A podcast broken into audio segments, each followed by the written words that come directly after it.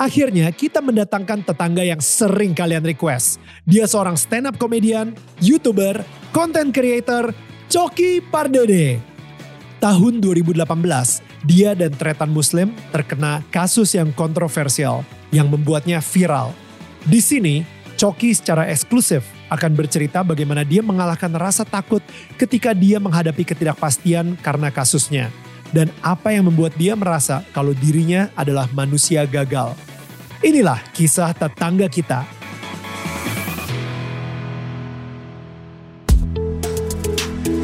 Hai, ini gua Daniel, tetangga kamu. Di sini gua akan ngobrol dengan tetangga gua tentang perjalanan hidup mereka dari kacamata spiritual di saat mereka mengalami situasi tidak pasti dan kekhawatiran sampai bisa kembali bangkit menjadi orang yang lebih kuat dari sebelumnya. It's gonna be very exclusive and inspiring.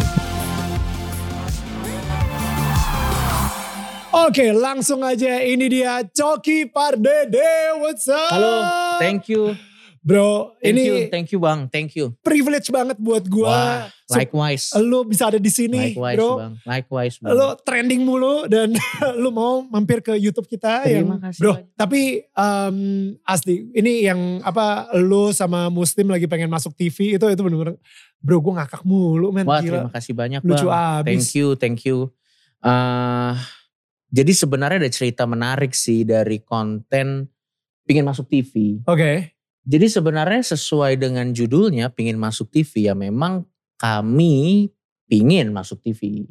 Belum kan udah sering kan masuk TV kan Iya, diwawancarain segala kayak Tapi gitu. sih kalau dibanding kalau kita lihat itu sebagai eh, standar tampil, kayaknya kita tuh masih dalam kategori cameo kayaknya. Iya, iya, Betul. iya. Belum Eh, belum belum kayak Uya Kuyanya, Raffi Yes. Ahmadnya atau ya eh, eh, bu- bukan kayak kita di sini untuk stay gitu, right. tapi kayak kita di sini untuk oh gini tuh, gitu. Habis itu cabut Hmm. lagi. Iya iya iya. Eh, walaupun sebenarnya sih buat ada orang yang nanya kayak kenapa sih lo pengen masuk TV bukannya TV bla bla bla Ya. bla bukannya lo punya YouTube bla bla bla Hmm. gitu ya bukan masalah itunya sih kalau lo punya bucket list Ya ya ya. ya. sebagai seorang entertainer atau ya mungkin jangan entertainer terlalu gede buat gue sebagai konten kreator kayak Right. apa sih yang pengen lo lakukan gitu ya salah satunya adalah masuk TV yang cukup reguler kita Hmm. sebenarnya dan sebenarnya itu terus terang belum terlalu terwujud Hmm. Uh, terutama dalam konteks acara-acara lawak gitu. Ya ya ya. Yang memang kenyataannya gua dan Tretan Muslim tuh kesulitan Oke. untuk beradaptasi dengan uh, jenis komedi seperti itu. Ya. Dan akhirnya gua dan Muslim timbul apresiasi baru kepada uh, teman-teman yang memang ada di scene Di dunia. TV, Yes, ya. dia bilang anjir ini susah banget gitu. Nah itulah sebenarnya kita berangkat ya. Sampai akhirnya kita berpikir gimana kalau kita bikin panggung kita sendiri Hmm. karena kalau kita nunggu approval dari TV sih kayaknya keburu eh, udah ada platform baru selain YouTube sih kayaknya. Jadi daripada kita nunggu itu dan kayaknya itu tidak akan terwujud, akhirnya muncullah ide bikin masuk TV. Right. And it's a brilliant idea. Wah terima kasih. Brilliant idea Iya, dan iya, uh, iya. maksudnya lu kayak nge-spoofin uh, banyak acara-acara TV Betul. sampai uh, tadi yang kita baru tayang nih ya apa Iya iya bang. uh, sinetron religi ya yes, atau apa gitu kan. yes, yes, Uh, yes. ikan dan roti gitu. Betul betul. It- itu epic banget sih. Itu sebenarnya ya jadi gini kalau kita balik sedikit ke pingin masuk TV. Jadi awalnya memang kita pengen bikin konten exactly seperti teman-teman di TV. right. Dan memang anjir emang gak bisa men. emang emang ya ini kali alasannya kita gak masuk TV gitu kali ya. Taste-nya beda. Emang Taste-nya taste-nya beda dan akhirnya kita eh, datang dengan oh ya apa sih yang beda? Oh iya kan ada rating KPI. Jadi sebenarnya gini ya eh, kita sepakat dulu KPI bermaksud baik ya. Ya. Jadi itu tidak kita debat itu Ya, maksud ya, ya. baiknya tidak kita debat. Ya. Cuman memang beliaulah eh, teman-teman di sanalah yang ke- yang biasanya menghalangi saya dan Tretan Muslim untuk bisa masuk ke sebelah sana. Ya. Nah makanya untuk eh, berdamai dengan itu dan membercandakan keadaannya Ya, sebenarnya kita bikinlah meter-meter itu. Ya, ya, ya, ya. Yang bahwa nanti ada rating, akan ada KPI gitu. Yang sebenarnya kan kalau di YouTube kita nggak berpikir soal itu kan. ada, eh, Nah nggak begitu peduli, ada ya. gini kan anjir kok lucu banget ya. Udah Iya. kita bikin aja. Dan orang eh, reaksi beda-beda. Ya. Ada yang bilang wah lo katanya lo pengen nyindir gitu. Sebenarnya sih kita nggak sejauh ingin menyindir ya. Kita cuma pengen ngasih sesuatu yang Menghibur aja. menghibur aja Menghibur aja. Dan itu jadi bahan hiburan. Maksud gue gila, gue percaya banget ya pas lo di hipnotis sama Ibob gitu ya, itu benar-benar bikin gue deg-degan loh. Oh, Dan habis wow. itu Thank kas muslim kayak datang marah-marah segala kayak gitu. Gila gue kayak, ya Tuhan, ya Tuhan ini gimana ya? Persahabatan mereka akan seperti apa? Itu. Ya. Karena gue Gitu. percaya banget tulisan no settingan itu. gue adalah salah satu orang yang percaya banget. Ya begitulah bang. Ya, anyway, Mm. um, let's talk about something more important di sini ya. Hmm. Um, gue pengen ngomongin bahwa lu di sini kan uh, bener-bener kayak pengakuan lu adalah Iya. seorang agnostik, Betul. ya kan? Hmm. Dan gue pengen um, meng-highlight dulu nih Iya. definisi dari agnostik. Baik. Wah.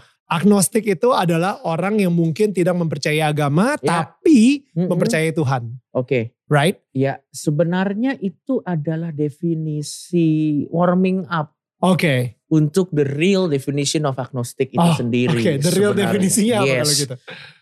gue ceritain dulu kenapa gue bikin definisi sesimpel itu. Oke, Karena kalau dulu gue muncul dengan the real definition ya kayaknya saya tidak akan ada di sini. lu udah langsung dirajam. Betul. Yes. Jadi memang semuanya perlu tahap memang. Dan mungkin sekarang saat yang tepat sih. Luar biasa, oke. Enggak, enggak. The real definition. The real definition sebenarnya gini sih bang. Eh, agnostik itu intinya adalah bukan tidak percaya Tuhan seperti ateisme. Ya. Tapi dia lebih ke arah mengikuti ke mana evidence-nya. Oke, Oke, jadi buat eh, kepercayaan agnostik sendiri kalau ditanya, ada Tuhan nggak? Tidak tahu Hmm. gitu. Tapi bukan karena dia kebingungan, Hmm. karena menurut penganut agnostik Hmm. eh, pembuktiannya belum cukup Oke, menurut mereka. right. Oke, right. pendiri- pendiri- nah, Sorry, menurut mereka atau menurut eh, eh, mereka kalau gue masuk situ ya mereka juga termasuk menurut agnostik lah. Oke. Gua juga dan semuanya lah Oke. orang yang mengaku agnostik eh pembuktiannya belum cukup. Nah kalau misalnya ditanya pakai pembuktian apa? Pembuktian metode penelitian ilmiah. Hmm. Jadi mereka memang ada kayak misalnya lo mengklaim A, berarti kalau ini udah klaimnya A harus ada nih ininya, ininya, ininya, ininya, ini Right. gitu. Nah menurut itu belum terbukti. Jadi mereka bilang tidak tahu karena di satu sisi mereka juga tidak menutup kemungkinan Mhm.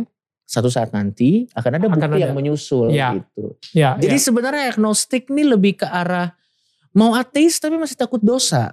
Jadi dia agak di tengah gitu. Kalau oh kalau ternyata ada kan saya agnostik gitu. Jadi kayak saya kan masih menunggu evidence gitu. Iya, iya, mungkin iya, ya, mungkin Iya, iya. gitu. Kalau misalnya tiba-tiba mati, eh benar-benar Tuhan nanya, kamu di, di dunia itu gimana? Iya, gue agnostik, Iya, gue bukan gua ateis. Gue percaya kalau misalnya lu ada, mungkin ada gitu Iya, kan. Tapi, iya. iya, iya. Ya, jadi saya tidak meri, tidak mengignore Tuhan secara completely dan sebenarnya tidak mengignore sih karena jawabannya sebenarnya tidak tahu aja. Oke, tidak tahu. Jadi sebenarnya kenapa gue mengklaim diri gue agnostik, buat gue itu adalah pem- eh, sebuah conversation start yang sangat oke. oke. Ya itu adalah eh, bisa memulai percakapan yang sangat seru dan kita bisa bermanuver banyak. Oh, ketika lu bilang kalau misalnya lu agnostik gitu. Iya. Oke.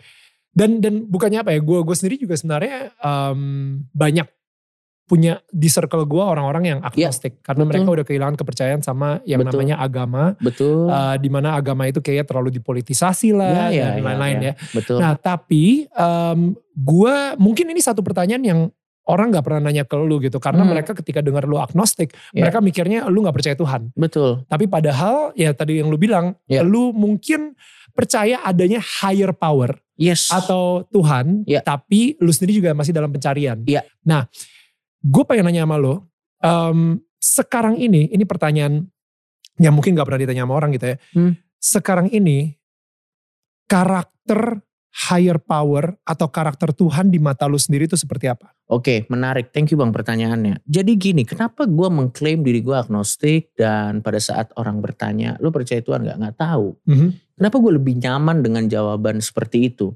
Karena biasanya pada saat ada pertanyaan, lu percaya Tuhan nggak? Biasanya ya, itu nanti akan hanya berkutat di perdebatan mengenai pembuktian yang biasanya itu cuman jadi ilmiah nggak ilmiah. Hmm. gitu. Dan menurut gue kayak ngapain sih gue berdebat di soal itu gitu. Gue gua merasa ya mau lo percaya Tuhan atau lo nggak percaya Tuhan, tapi kalau diskusi tentang Tuhan itu hanya perdebatan mengenai apakah dia sebuah zat, apakah dia sebuah, itu akan mengecilkan makna dari Tuhan itu sendiri buat gue. Ya. Terlepas dari lo percaya atau enggak.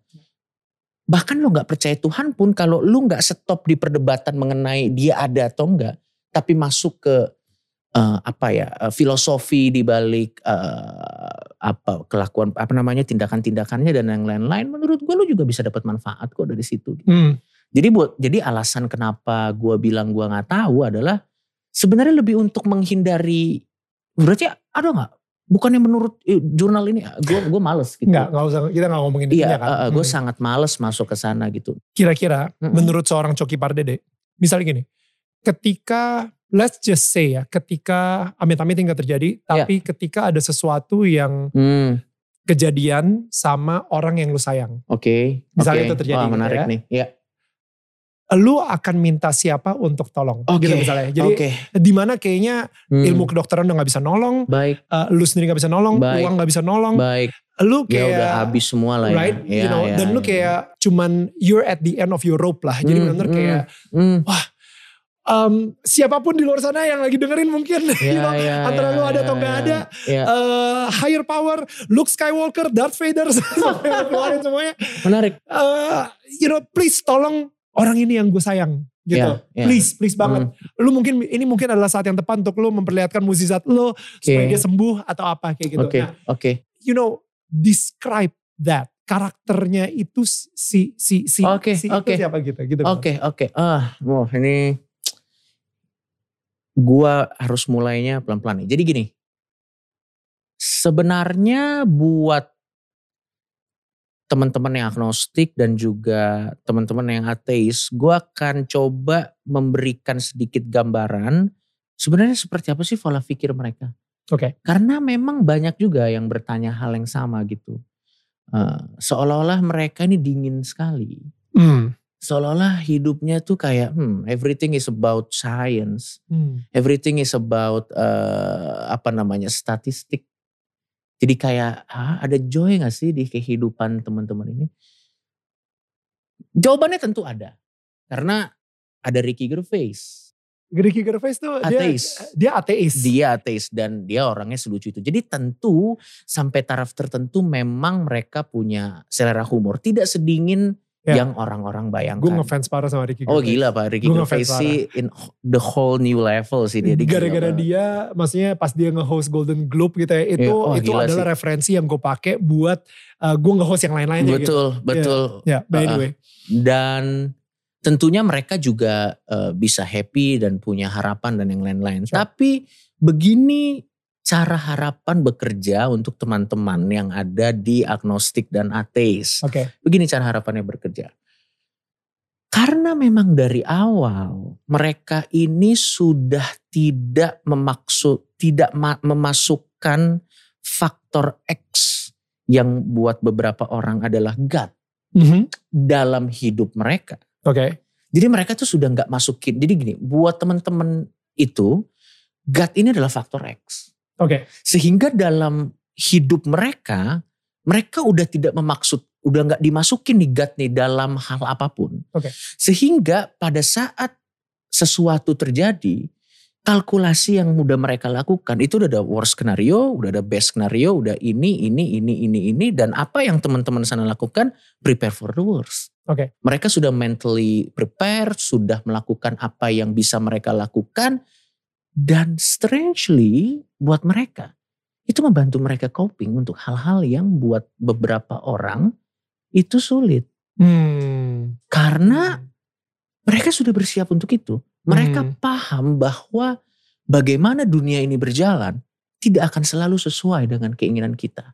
Hmm. Mereka paham bahwa akan ada momen-momen tertentu di mana sesuatu akan beyond salvation. Hmm. Dan mereka juga paham bahwa begitulah dunia bekerja. Hmm. Dan pada saat mereka memahami konsep tersebut, itu sudah tertanam dalam pikiran mereka dan mereka tidak ada faktor X lain di luar itu Karena mereka tuh sangat percaya bahwa kita bertanggung jawab 100% terhadap apa yang kita lakukan. Hmm. Jadi kalau ada sesuatu yang terjadi ya itu either ya shit happen atau memang Ya. itu kesalahan kita aja gitu. Ya. Nah dengan pemahaman-pemahaman seperti itu tidak ada yang bisa disalahkan. Hmm. Dengan pemahaman-pemahaman seperti itu mereka mengerti bahwa oh berarti ya saya tidak spesial. Hmm. Ya memang begitulah dunia harus. Sehingga akhirnya mungkin cry for desperation itu Hmm. menjadi unlikely to happen. Karena mereka sudah siap.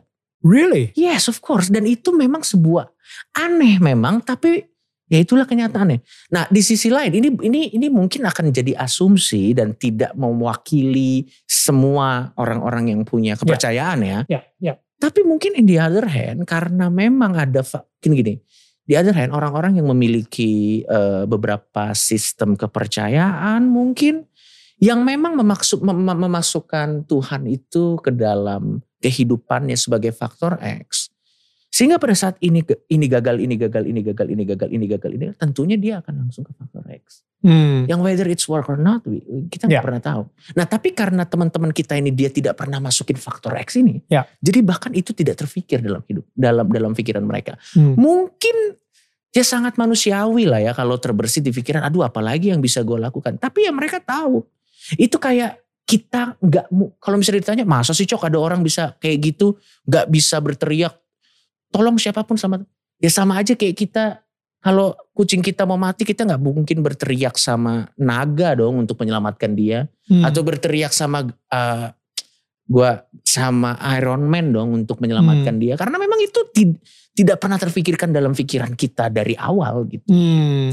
Hmm. Jadi memang kalau buat gua secara pribadi tidak semua orang bisa memiliki jenis pemikiran seperti ini memang. Hmm. Karena langsung dihajar dengan fakta dunia ini keras udah gitu aja. udah gitu sebatas itu dan itu bisa dilihat dari bagaimana humor-humor semua komedian yang ateis. Oke. Dark, dark, humornya dark. Oke. Ricky Gervais sih lucu, tapi Ya. kalau lo bedah jokesnya ngeri lo itu. Eh, Iya. It's basically tentang dunia ini akan berakhir basically. Hmm. Tapi dia dia itu briliannya dia, dia bisa bikin itu menjadi Jadi sebuah komedi. jadi sebuah Ya. komedi dan itu adalah sebuah statement bahwa well kalaupun nanti dunia akan mengarah ke arah ini, ya mari kita tertawa sebelum hancur. Karena memang gimana ya? eh, Lu lebih pengen mati ketakutan atau lu lebih pengen mati ketawa? Yes. Ya ketawa lah. Ya ketawa lah gitu. Kayak kalau ternyata for whatever reason hitung-hitungan gue salah. Dan ternyata tidak jadi hancur. Well ya oke. Oke. Oke kita kita kita happy nih. Oke. Tapi kalau ternyata hancur ya udah kita berdamai aja dengan itu gitu. Oke. Jadi kalau uh, stance-nya orang agnostik dan ateis melihat uh, pribadi Tuhan itu seperti itu gitu. Nah kalau gue sendiri ya Bang Daniel ya. Hmm. Gue kan sebenarnya dibilang ateis ya definitely enggak. Dibilang agnostik pun gue masih dalam proses benar-benar mempelajari supaya gue bisa dengan yakin dan mantap di depan kamera bilang saya agnostik gitu. Ya. Karena gini, gue akan cerita. Jadi mereka ini kan teman-teman ini kan punya komunitas. Sorry, komunitas agnostik. Yes, of course. Oke, KAI ya, komunitas agnostik Ya, Indonesia. eh, tidak seperti itu juga sih. Eh, karena kalau ada itunya pasti di band ya. Iya, langsung ya. Tidak akan. Ya tapi mereka punya perwakilan-perwakilan kayak hub-hub gitu. Hmm. Dan sebenarnya kan orang yang lumayan terkenal yang proklaim dirinya agnostik kan bisa dihitung dengan jari. Ya. Dan gua rasa sih yang paling berbobot omongannya salah satunya saya. Hmm. Ada yang memang bilang saya agnostik tapi gue lihat ah ini mah bego gitu. Ada yang seperti itu. Nah jadi mereka tuh cukup sensitif Hmm. terhadap tokoh-tokoh yang naik ke depan kamera Represent. represent agnostik, agnostik, Ya. agnostik bahkan ateis. Hmm. Kalau ateis sih saya rasa tidak akan ada yang berani ya. Enggak, belum. Ad- ada tapi tidak akan ada yang berani. Nah jadi sehingga eh, gua tidak berani untuk dengan mantap bilang saya agnostik. Enggak, tapi kalau buat gue sendiri bang, eh, bagaimana kalau menjawab pertanyaan lo tadi ke itu dikasih ke gua? Kalau buat gue tuh gini, Ah, gua tidak. Gua ini tipe orang yang sadar gue ini orang yang seperti apa. Gua fully aware bahwa gue ini sebenarnya gabungan antara sedikit ignorance, banyak nya dan kadang tidak bertanggung jawab. Oke. Itulah kurang lebih rangkuman orang seperti apa gue. Sehingga ya walaupun memang ada yang mengatakan bahwa Tuhan itu selalu terbuka pintunya untuk semua eh, apa namanya cry for help dan yang lain-lain. Tapi kalau buat gue gini, eh gua tidak mau memperlakukan pribadi yang ada di atas sana tuh sebagai eh, service center. Di mana kita cuma datang kepada dia dan kita cry kepada dia cuma pada saat ada ada sesuatu yang memang membuat diri kita terdesak. Gua mencoba untuk merespek beliau dengan cara ya oke gua konsekuen dengan pilihan gua.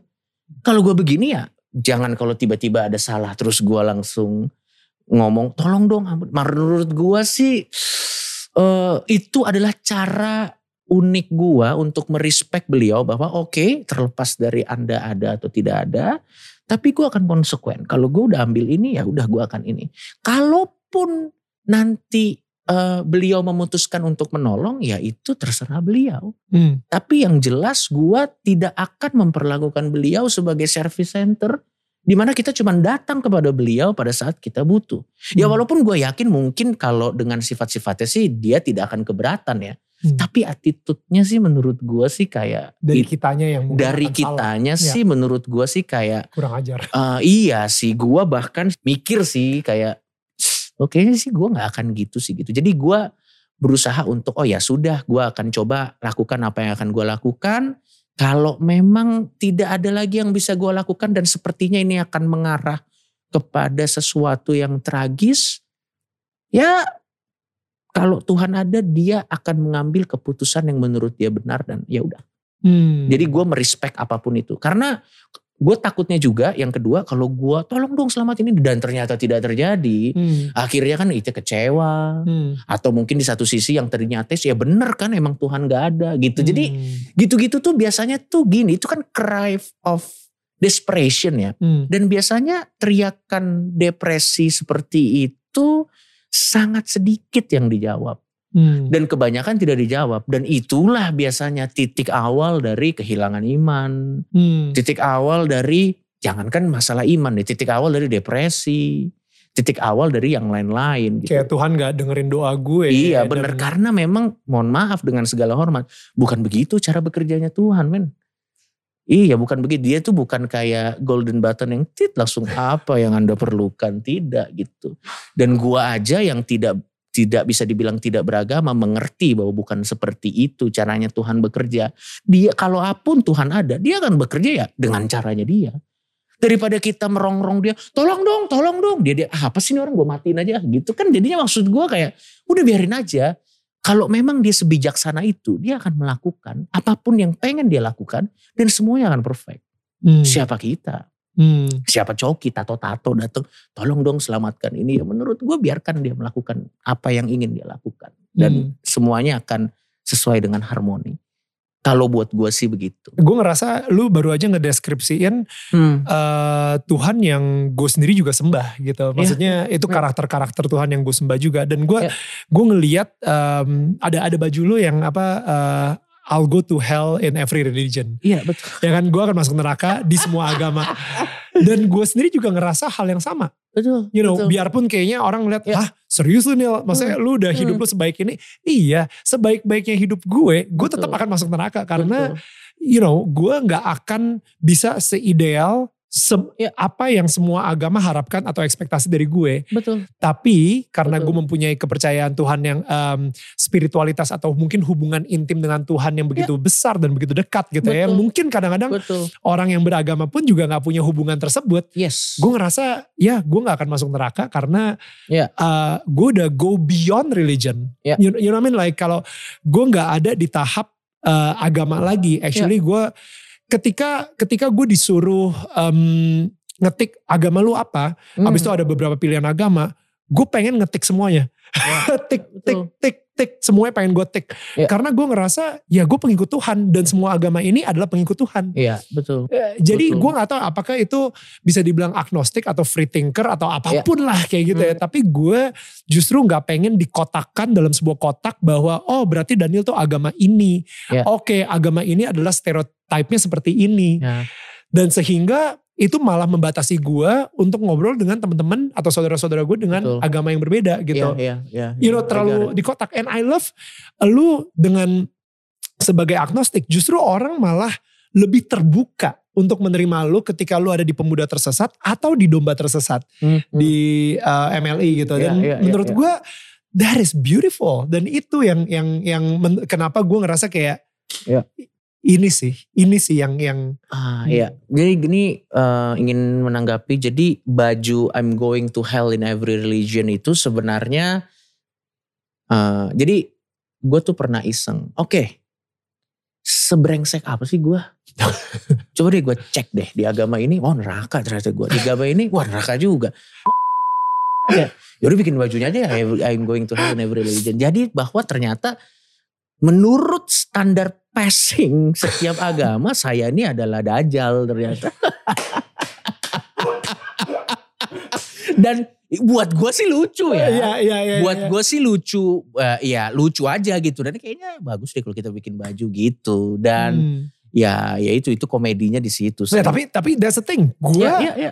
ngera, gue gak tahu kenapa bisa relate banget sama itu. Iya. Eh, yes, mungkin kalau misalnya di gue ada lanjutannya ya. I'm going to hell in every religion. Iya. But God said no. Oh ya, menarik bisa, bisa. Dan itu yang mungkin menurut gue apa yang nggak tahu ya kalau misalnya dari kacamata gue ketika setelah gue nonton interview lu juga dan lain-lain gitu ya. Ya, ya. gue ngerasain juga Tuhan akan ngomong hal yang sama sama lu kan. Lu Iya. sendiri juga tadi bilang gitu, maksudnya eh, lu udah tahu banget karakter-karakter Tuhan dan Iya. lu juga ngerasa kayak iyalah, em, ya gue nggak nggak perlu eh, ritual-ritual atau Iya. misalnya kotak-kotak tertentu Betul. untuk gue masuk ke surga. Betul. Yang perlu adalah hubungan gue sama Tuhan atau Betul. apa pun yang Tuhan bilang tentang gue gitu maksud Jadi gue. nih sebenarnya cukup unik. Cukup unik dalam konteks apa? Gue di satu sisi bisa dibilang agnostik. Tapi di satu sisi ya karena agnostik kan jawabannya tidak tahu kan. Ya. Tapi tidak tahunya tuh tidak menutup kemungkinan bahwa Tuhan ada. Ya, Jadi gue juga masih punya pemahaman seperti apa nih Tuhan kalau ada. ya, Nah pemahaman gua kalau Tuhan itu ada, dia adalah pribadi yang sangat-sangat sempurna dan sangat-sangat bijaksana. Sehingga akhirnya bukan tugas kita sih untuk merongrong semua keputusannya dia. ya, Ya sebelum manusia ada juga alam semesta ini berjalan baik-baik saja. Hmm. Tanpa ada protes-protes dan Hmm. yang lain-lain kan. Ya, ya. Iya dan apa yang malah setelah manusia ada mulai hancur. Menurut gua kayak Setelah manusia diciptakan, iya malah kayak hmm, ya. kayaknya ini adalah sumber kejahatan. Jadi menurut gua kayak ya udah, gua gua gua taruh boundary gua. Jadi gua ada what if skenario banyak. Oke kalau Tuhan ini ada, ya udah gue tidak akan pernah ngejudge. Gue tidak mempertanyakan iya, Mhm. mempertanyakan ya, tapi yang sampai menyerang dan mengutuki or Ya. whatever sih enggak karena kalau mempertanyakan kan masih dalam konteks eh, rasa ingin tahu yang sehat ya. Hmm. Dan itu sih biasanya akan membuat diskusi menarik lainnya. Ya. Dan kita akan lebih improve secara manusia. Ya, ya. Tapi kalau mengutuk itu kan sama kayak cry of desperation tadi. Kayak Hmm. kenapa ini begini aku kehilangan iman. Wah kayak gitu sih gua gak pernah sampai situ ya. Jadi kalau ada sesuatu yang terjadi dan anjir kenapa ya begini. Ya well kalau dari sisi agnostik gua akan berpikir ya ya mungkin shit happens saja ya. Ya. Atau memang gak ada. This is life. This is life. Ya. Dan kalau dari sisi ini gue bilang ya udah ya. Ya gak usah dipertanyakan men. Hmm. Dulu juga alam semesta berjalan gak ada yang mempertanyakan jalan-jalan aja. Ya Kenapa? Jadi gue gitu kalau Eh, gue. That's so good. Ah. Um, dan literally pagi ini gue baru baca gitu ya kayak berkat Tuhan siang dan malam matahari Yes. uh, hujan Hmm. dan lain-lain itu itu berkah berkat Tuhan yang luar biasa untuk supaya kita tanaman tumbuh dan lain-lain Ya. gitu ya itu turun dan jatuh untuk orang yang percaya sama dia atau orang yang tidak percaya sama dia Betul. tetap aja gitu jadi Betul. as in like gue ngerasa kayak ya udahlah lu Hmm. mau menghina-hina dia, Yes. lu mau you know mencerca dia atau lu nggak percaya dia ada atau apa pun, tapi tetap aja berkat dia pun juga selalu turun gitu. Well, I think that's from my point of view. sih. Dan dan dan untuk menanggapi itu ya bahwa memang tanam tanaman, hujan, matahari itu dipakai ah, maksudnya bisa dinikmati oleh orang yang beragama atau tidak beragama. Nah, untuk beberapa orang kan lihat tuh cok. Bahkan begitu kasihnya Tuhan kami, Hmm. lu juga bisa menikmati ini semua. Lah mohon maaf, wifi juga buatan manusia, Anda agama tidak. Jadi menurut gue sih fair barter lah menurut Iya. gue. Gue dapat lah, fair tanaman, ya lu Iya, dapat iya, wifi iya, iya, gitu. iya, iya, iya. Mau dituker nih, kita tarik nih kalau mau main gitu, masa tarik-tarikan ya udah saling melengkapi. Oke, gue pengen eh, tahu origin story lu sih ketika lu lu lahir di Medan, sorry. Eh, tidak, jadi Lahir mana?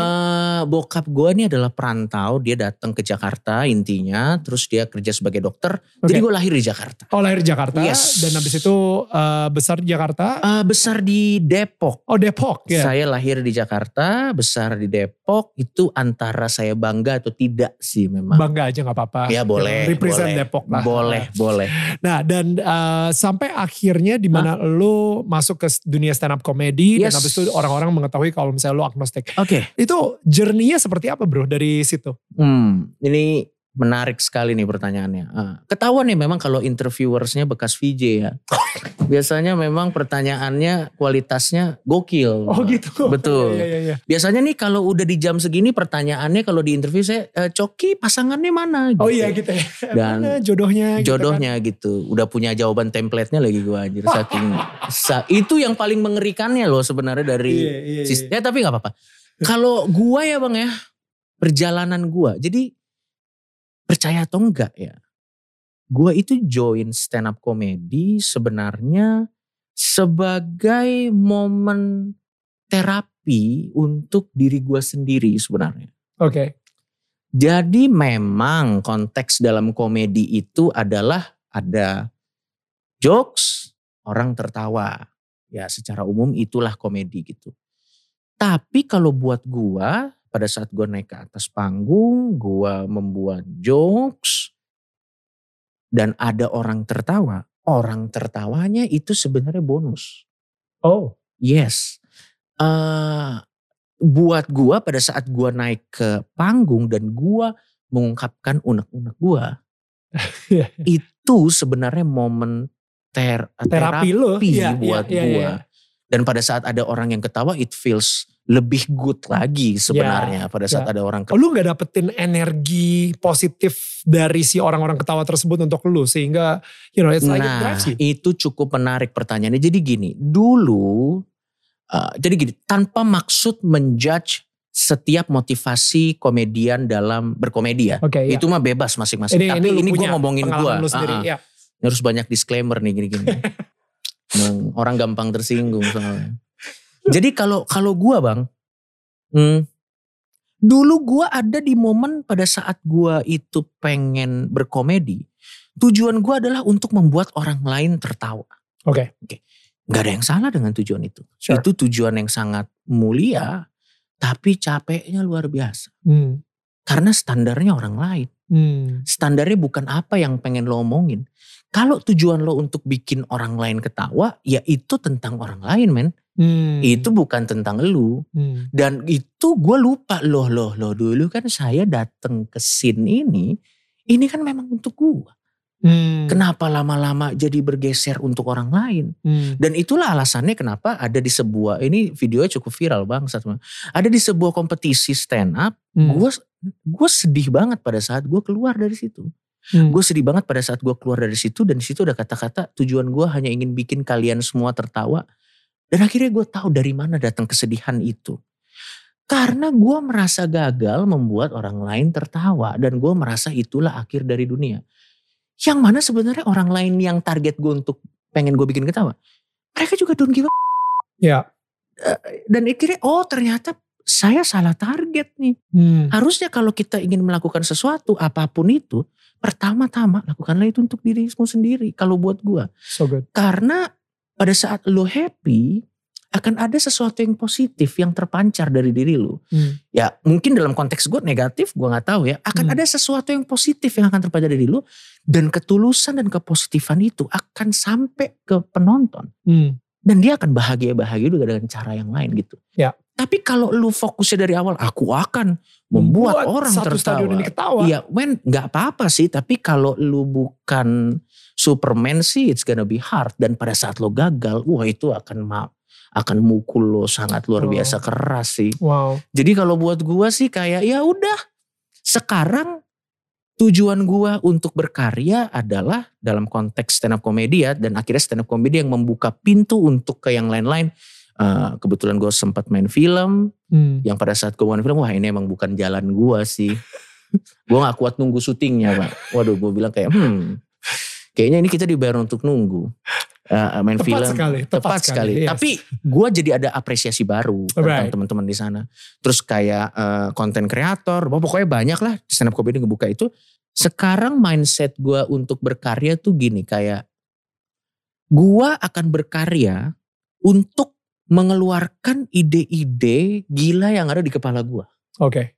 Karena ini kalau nggak dikeluarin, gue gila beneran. Jadi untuk mengeluarkan ini, gue akan berkarya dan kebetulan platformnya bisa apa pun. Hmm. Itu tujuan gue, tujuan gue untuk berkarya.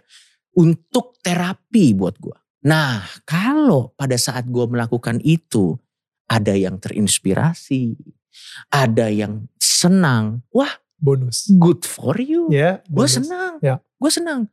Tapi sorry tuh saya bukan karena gue nggak suka lu, bukan itu tujuan gue berkarya. Tujuan gue berkarya itu untuk ini. Karena gue nggak bisa nyel- nyelamatin orang lain kalau gue nggak bisa, gue nggak nyelamatin diri gue Oh, so gitu. Ya. Nah makanya please gue selalu bilang sih jangan berekspektasi dalam konteks value-value moral kepada konten kreator. Kenapa? Karena namanya kan konten kreator. Gini, Hmm.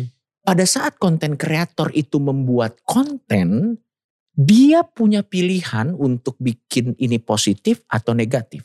Jadi konten itu sebenarnya semuanya 100% tergantung pilihan dari konten kreatornya itu sendiri. Hmm. Dia mau pilih konten positif, bagus. Hmm. Dia mau pilih konten negatif, ya nggak apa-apa juga. Karena dia Ma- hanya pembuat konten. Betul, karena Hmm. namanya konten kreator, bukan educator. Hmm. Kalau educator lo boleh, mana Hmm. pendidikannya? Hmm. mana ininya.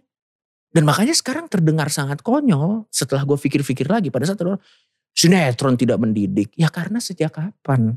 Sinetron itu harus mendidik. sekolah. iya Iya, betul. betul. Dan kayaknya sih udah dia salah tempat untuk protes. Ya. Ya artis sinetronnya bingung dong. Oh gitu ya di kontrak kita nggak disuruh mendidik. Ya memang enggak mbak, enggak. Memang anda tidak disuruh mendidik. Memang yang protes saja yang tidak terdidik menurut gua. Wow. Jadi memang buat gua jangan pernah lo taro. Gini, kalau lo pengen mengidolakan seorang konten kreator atau musisi atau apa pun, silakan tapi idolakanlah dia dari karyanya aja udah. Hmm. Lo jangan masuk ke ranah personal. Hmm. Lo sakit hati men mengidolakan mereka sampai masuk ke ranah personal. Sakit hati men. Gua kenal banyak orang-orang terkenal dan mereka kayaknya sih gitu. Dan eh, menurut gua sih jangan ambil jalan itu. Nanti satu saat nanti amit-amit kalau sesuatu terjadi dengan idola lo, lo akan anjir lah nggak nyangka ya. Ternyata dia begitu. Ya lu kenapa mengidolakan dia seperti itu? Iya namanya juga manusia Manusianya pasti juga akan manusia. bikin. Iya. Sehingga akhirnya yang kasihan tau gak apa Bang Daniel? Buat teman-teman konten kreator. Gini, ada konten kreator yang bikin konten positif bagus dan gue sangat mengapresiasi. Karena kalau bukan mereka yang bikin siapa lagi? Hmm. Dan itu bagus, gak ada yang salah dengan itu. Ada yang bikin konten negatif, ya gak apa-apa juga tinggal jangan ditonton. Tapi ternyata yang nonton banyak lah. Gimana yang gila gue atau yang nonton? Ya susah juga emang bingung kan. Nah akhirnya. Jadi semua untuk masing-masing aja gitu. Iya, iya, iya. Nah yang gue sebel adalah jadi kayak ada sebuah eh, gue nggak tahu. Gitu kayak. Iya gue nggak tahu nih siapa yang memulai memulai movement ini yang seolah-olah setiap konten kreator harus positif. Menurut gue nggak. Setiap konten kreator bebas memilih dia mau positif atau enggak. Hmm. Itu yang benar menurut gue. Hmm. Jadi ya dan jangan cari kebenaran di sini. Yang gila tuh gini ada orang wah yang Lex nggak mendidik, nggak bermoral. Ya lo cari ilmu moral di yang Lex.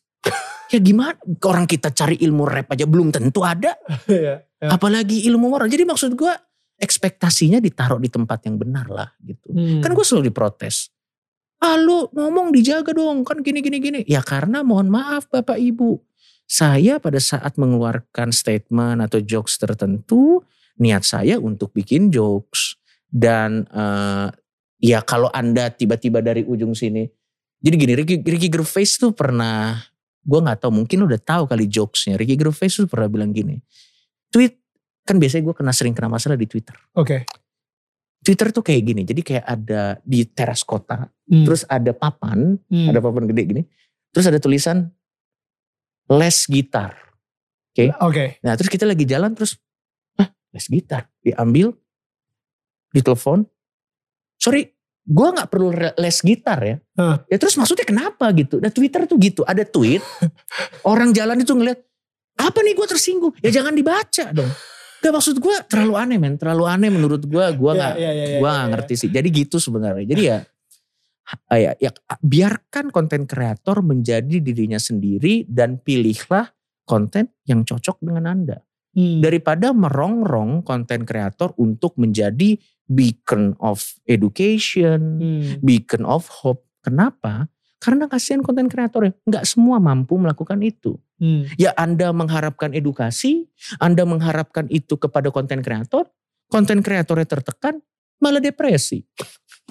Wah nggak, wah men nggak nggak benar men menurut gue men. Jadi menurut gue biarkanlah mereka berkarya dan membuat sesuatu yang ingin mereka bikin dan nikmatin karya yang pengen lu nikmatin sih buat gue. Lu lu bener banget in so many points. Bener banget. Jauh sangat gue setuju parah. Uh, dan yang tadi yang tentang metafora apa uh, les gitar. Iya. Maksudnya kayak orang begitu ngeliat maksudnya apa gue butuh les gitar emang lu aja kayak iya, maksud kalau kayak, misalnya gue gak bisa main gitar gitu betul ada masalah kalau misalnya gue gak bisa main gitar betul. lu menurut tuh gue harus les gitar gitu kan jadi kayak kayak what kan ada iya, nah, iya, iya. tapi I think like um, kalau misalnya kita terlalu ribet iya. dengan yeah. misalnya contoh-contoh hmm. seluruh konten kreator di Indonesia akhirnya positif dan mendidik yeah. misalnya yeah. tetap aja orang-orang kita bakal nontonnya konten kreator orang luar betul. yang hancur-hancuran dan gak mendidik gitu. Ya, ya, you know, ya. yang entertainment betul, juga gitu. Betul, Jadi pada betul. akhirnya ya, ya tergantung dari orangnya, bukan dari konten kreatornya gitu. Betul, betul. Dan gue percaya memberikan influence positif kepada orang itu adalah panggilan bang. Hmm. Dan yang manggil harus Wah, diri lo sendiri. That's so good. Ya, yang yang memanggil harus diri lo sendiri, bukan netizen netizen yang SJW so SJW sih. gue sih kalau nih ini ini ini problem dengan gue ya Pokoknya kalau ada sesuatu dengan kata harus, sebel aja gue. Ya. harus, apaan sih lo kenapa harus? Gue ya. pakainya, ya. ya mungkin itu masalah gue dengan otoritas ya, tapi Gak gitu men caranya. Hmm. Pokoknya kalau lu mau bikin konten positif, lu harus calling dari diri lu sendiri. Dan terlihat kok dari kontennya. Hmm. Mana yang memang itu adalah panggilan dari dirinya. Ya. Dan mana yang itu adalah tuntutan netizen. yang kayak, oke okay, pertanyaannya apa nih? Ah, oke okay. jadi lu oh positif sekali ya menurut gue sangat kelihatan ada fake sih. Dan I think um, kita ya kayak mungkin ya hmm. ini adalah uh, kecemburuan ya. dari orang-orang yang okay. memberikan uh, positif ya. tapi view-nya dikit, betul, subscribe-nya dikit hmm. dengan orang-orang yang memberikan konten yang negatif ya. tapi view-nya banyak ya. dan you know dan subscribe-nya juga betul. banyak banget gitu. Betul, nah, betul. mereka yang bilang nggak bisa dong, bla bla bla, you know, ya, like, ya, ya mungkin pada sangat manusiawi. Tapi pada akhirnya emang emang bener gue sendiri juga harus berdamai dengan diri gue bahwa ya. Apa yang gue lakukan ya. di dan tetangga kamu itu melawan arah sebenarnya. Betul. Ya gak sih melawan ya, arah ya. banget dan mungkin emang hanya satu orang atau dua orang yang kena daripada ya. berapa juta orang yang nonton misalnya ya. uh, konten yang mungkin tidak mendidik gitu atau ya, menghibur. Ya, ya. Which is ya ya sudah it's okay. Betul. Uh, ketika gue berdamai dengan Sangat itu, gue ngerasa ya udah yang penting konten yang gue lakuin itu tidak mengkhianati diri gue sendiri Betul. sebagai panggilan gue ya. dan gue juga tetap kayak apa bilang gitu emang itu ternyata ada panggilan ya, ya, ya untuk memberikan konten yang positif gitu betul betul uh, gini uh, sebenarnya ya kalau ada orang kalau ya ini sangat gede kalaunya ya. kalau ada uh, konten kreator positif yang cemburu sama konten kreator negatif yang ini gede viewnya dia kecil harusnya dia ingat-ingat lagi bahwa memang dari dulu sudah diramalkan lebih banyak yang masuk neraka daripada masuk surga. Jadi filosofinya memang yang banyak nih selalu akan lebih tersesat. Jadi secara statistik, yeah. memang yang terdidik dan tidak terdidik itu selalu yang ini gini, yang ini gini. Hmm. Jadi sangat sulit untuk mengalahkan statistik itu. Ya. Bahkan hampir semua religion apa pun. Ya. Dan memang harus begitu. Kenapa? Supaya yang ini bisa kita bego-begoin. Jadi emang yang pinter dan yang terdidik itu harus. Itu fakta dunia aja mau gimana. Satu. Dan yang kedua, fakta bahwa masih ada kecemburuan di situ. Ya harusnya Anda jangan bikin konten positif dong kalau Anda masih cemburu gitu. ya Anda bikin konten, ya bikin sesuatu yang lebih Anda. Berarti Ya. mungkin itu bukan konten yang yang mungkin bukan dia. Eh gue nggak tahu lah bagaimana Right, menjelaskannya. Ya, ya, ya. I- eh, dan buat gua ya dan ini kenapa gua sangat mengapresiasi teman-teman yang benar-benar mendedikasikan resourcersnya untuk bikin konten positif. Hmm. Karena buat gua sesuatu yang positif positif maksud gua sangat sulit dikomersialisasikan. Ya. Dikasih gratis aja nggak ditonton. Ya. Apalagi dibayar. Ya. Sangat sulit. Jadi pada saat lo udah masuk ke ranah ini, datanglah ik- ikhlas aja udah. Ya. Ikhlas aja udah. Pada saat lo udah ikhlas, seneng lo jalaninnya. Ya, ya, ya. Karena patokan lo bukan numbers. Betul tadi Betul. kata lo. Patokan lo adalah, eh ternyata ada satu orang yang berubah lo karena konten gue. Right. Wah ini satu nyawa sih oke gitu. Exactly. Menurut gue gitu aja. Gitu Iya. cara mainnya tuh gitu. Ya tapi susah Karena sih. prioritas tuh goal lu itu Iya. buka beda gitu. Maksudnya Mm-mm. gue uh, ada satu momen di mana gue ngeliat kontennya siapa gitu ya, di mana mereka kayak Iya. ngumpul ngerokok, abis itu um, sambil bercanda, Iya. abis itu ngomong kotor dan lain-lain gitu. Gue Ya, ngerasa ya, ya. dan viewnya you know like Ya, ya. gede banget gitu dan gue ngerasa wow apa gue harus seperti ini gitu Ya, untuk ya, ngedapetin ya. view dan dan lain-lain gitu. Tapi Betul.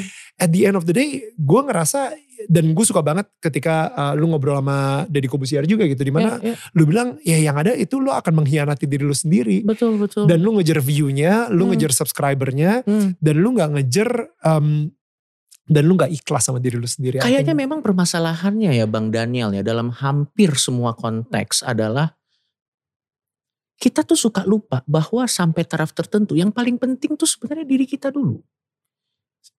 Iya nggak dalam segalanya ya, tapi maksud gua ada ada poin-poin tertentu di mana sebelum kita menyelamatkan orang ya selamatkanlah dirimu sendiri gitu. Sehingga akhirnya eh, gini ada orang yang memang langsung berangkat dengan aku akan menjadi orang yang paling tidak egois di seluruh dunia. Itu aja udah egois menurut gua. Jadi kayaknya memang kita tuh harus taruh balance-nya Ya. di mana memang kayak ya oke ya ya gue jangan mengkhianati diri gue sendiri deh Ya. gue percaya kalau dari dalamnya udah bener Ya. nanti semuanya akan jatuh pada tempatnya masing-masing betul. Iya Betul. sih kalau buat gue sih kayak gitu. Gue gak tahu ya mungkin orang-orang ngelihatnya lu dengan tato lu dan lain-lain ya. Iya. Orang-orang ngerasa kayak apa ya? Ya you know, lu ngelihat kalau misalnya packagingnya aja mungkin orang kayak Iya. hmm kayak gitu Hmm, kan. hmm. Tapi gak tahu ya, gue mungkin karena gue ngeliat orang dari hatinya dan dari nilainya gitu, dari Iya. value-nya. Jadi, jadi yang gue dapetin dari lu, biarpun joke lu negatif, biarpun Hmm. gue tetap ketawa dengan hati yang positif gitu. Iya. I don't know, mungkin gak semua orang kayak gue gitu Betul. kan. Tapi uh, Ya jelas sih dari tempat tinggal anda juga kayaknya nggak semua orang seperti anda sih. sebenarnya. Makanya anda kan yang satu persen memegang kekayaan kan di iya, Indonesia. amin. Ya nggak bercanda bercanda. amin. Nah, Iya sih. gue uh, Thank you pengen- loh bang itu itu datang dari lo tuh. Oh ya gue harus gue harus kasih lo komplimen juga. Jadi kan gue lahiran tahun 88. Ini biar lo ngerti nih timelinenya ya. Gue Oke. lahiran tahun 88. Jadi gue besar dengan generasi MTV ampuh. Ya, Ajang Jadi- musik pribumi 20. Betul. Iya. Jadi lu tuh one of my childhood hero. Oh wow. Dalam konteks bahwa dulu gue lagi berantem sama adik gue. Tiba-tiba muka lo nongol aja di TV gitu. Oke. Hmm siapa orang ini gitu. Terus gue Wow. nonton. Wah wah, oke. Dan, dan ternyata ya kita nggak pernah tahu ya namanya jalan hidup. Hmm. Kita bisa ketemu dan gue bisa ngobrol setara dengan lo. Setara Hmm. karena kursinya ya menurut gue kalau karena karena pencapaiannya sih kayaknya saya belum punya rumah di sini jadi gue tuh it's an honor sih. Thank you. Thank you Thank you, diundang. Mm-mm. Thank you, thank you. Iya. Um, ini kesannya kayak kita udah mau habis tapi masih Ya belum enggak, ya. enggak, masih panjang, masih panjang. Gue tuh gini, kadang tuh gue suka ini. Gue kalau udah nonton konten gue sama orang. Iya. Pak lagi bagian ini. Nah ini ngumpung ingat Oh, iya. langsung gue. Daripada ada regret, daripada regret. Bro, um, sekarang ini banyak orang yang lagi menjalani ketidakpastian dalam hidup mereka, apalagi gara-gara situasi pandemi. Ya, ya, dan ya. gue ngerasa pas gue nonton um, MLI Mhm. um, ketika yang apa no settingan itu gue bacain komentar-komentarnya Iya. banyak yang berterima kasih sama kalian karena mereka uh, bisa melupakan Oke. you know kondisi mereka situasi Iya, mereka iya. Uh, dan you know dan ini bukan cuma dari satu itu aja gitu ada Mhm. beberapa juga video-video kalian yang membuat orang-orang itu melupakan Ya. masalah mereka di rumah dan mereka ke distract dan mereka bisa ketawa lagi sampai nangis Ya. gara-gara uh, apa yang lu suguhkan ke mereka dan menurut gue itu adalah cara untuk kalian menyebar sukacita Ya. gitu you know Ya. di di di saat seperti ini Hmm. tapi gue pengen tahu juga, em, lu sendiri juga pernah melewati satu saat ketidakpastian dalam hidup lu di mana lu sempat ditegur lah ya, Ya. eh, oleh Ya oleh ya oleh banyak hal lah ya. Uh, banyak oleh- hal uh, uh, uh, dan oleh mungkin keadaan tahun 2018 kali Iya ya, betul itu tahun 2018. 2018. Nah, Uh-uh.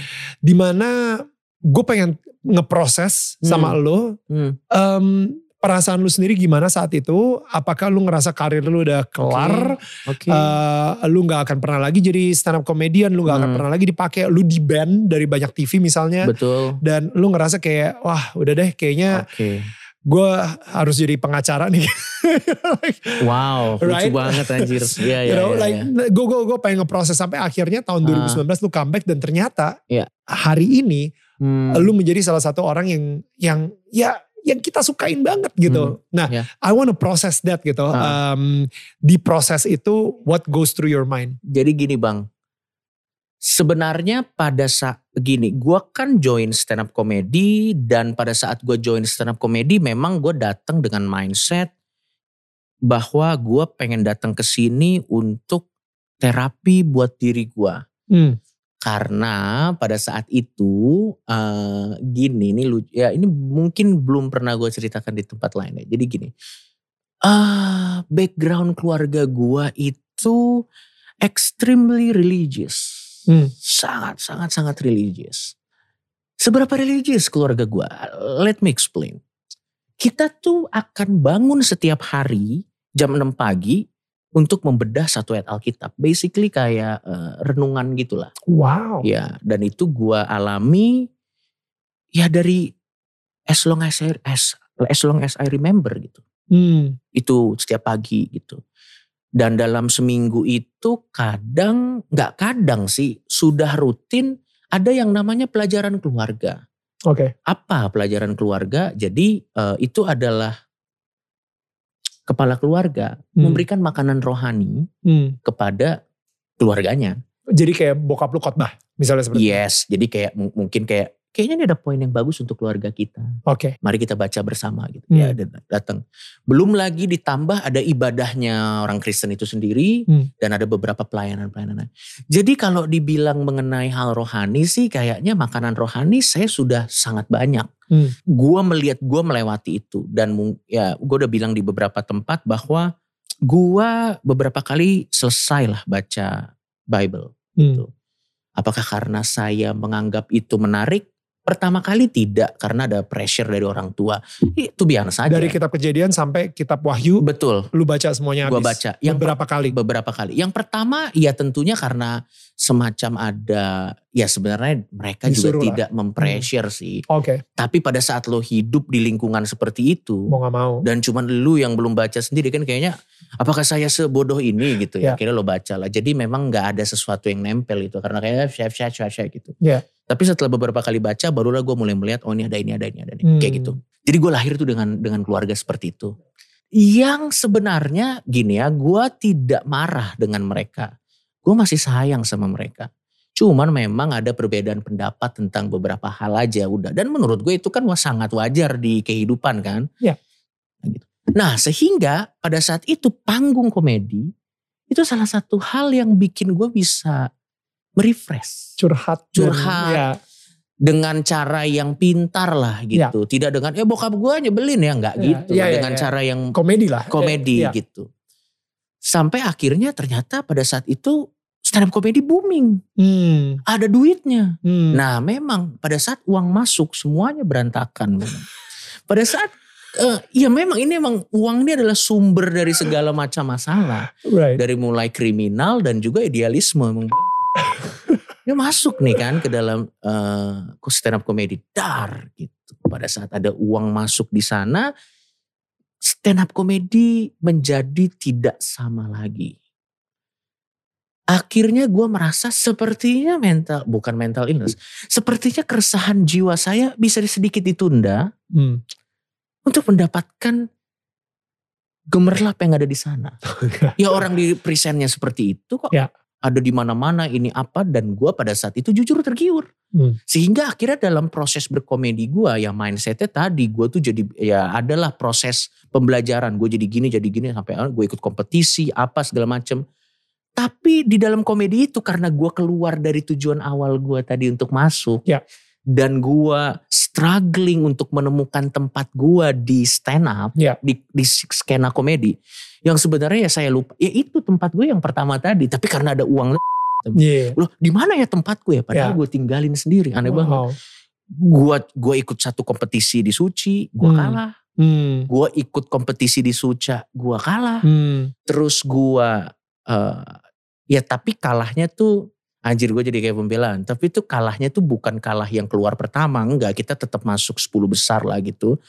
Tapi kan gue tuh bukan cari itunya. Gue tuh pengen cari apa sih fungsi gue di skena komedi ini. Hmm. Karena dulu tuh gue tuh kayak, oh ya Coki Pardede ada gak? Oh ya ada, udah terus udah gitu aja ya. diskusinya. Ya. Dan itu ketakutan terbesar gue. Wow. Saat gue jadi footnote hmm. di sejarah kita gitu.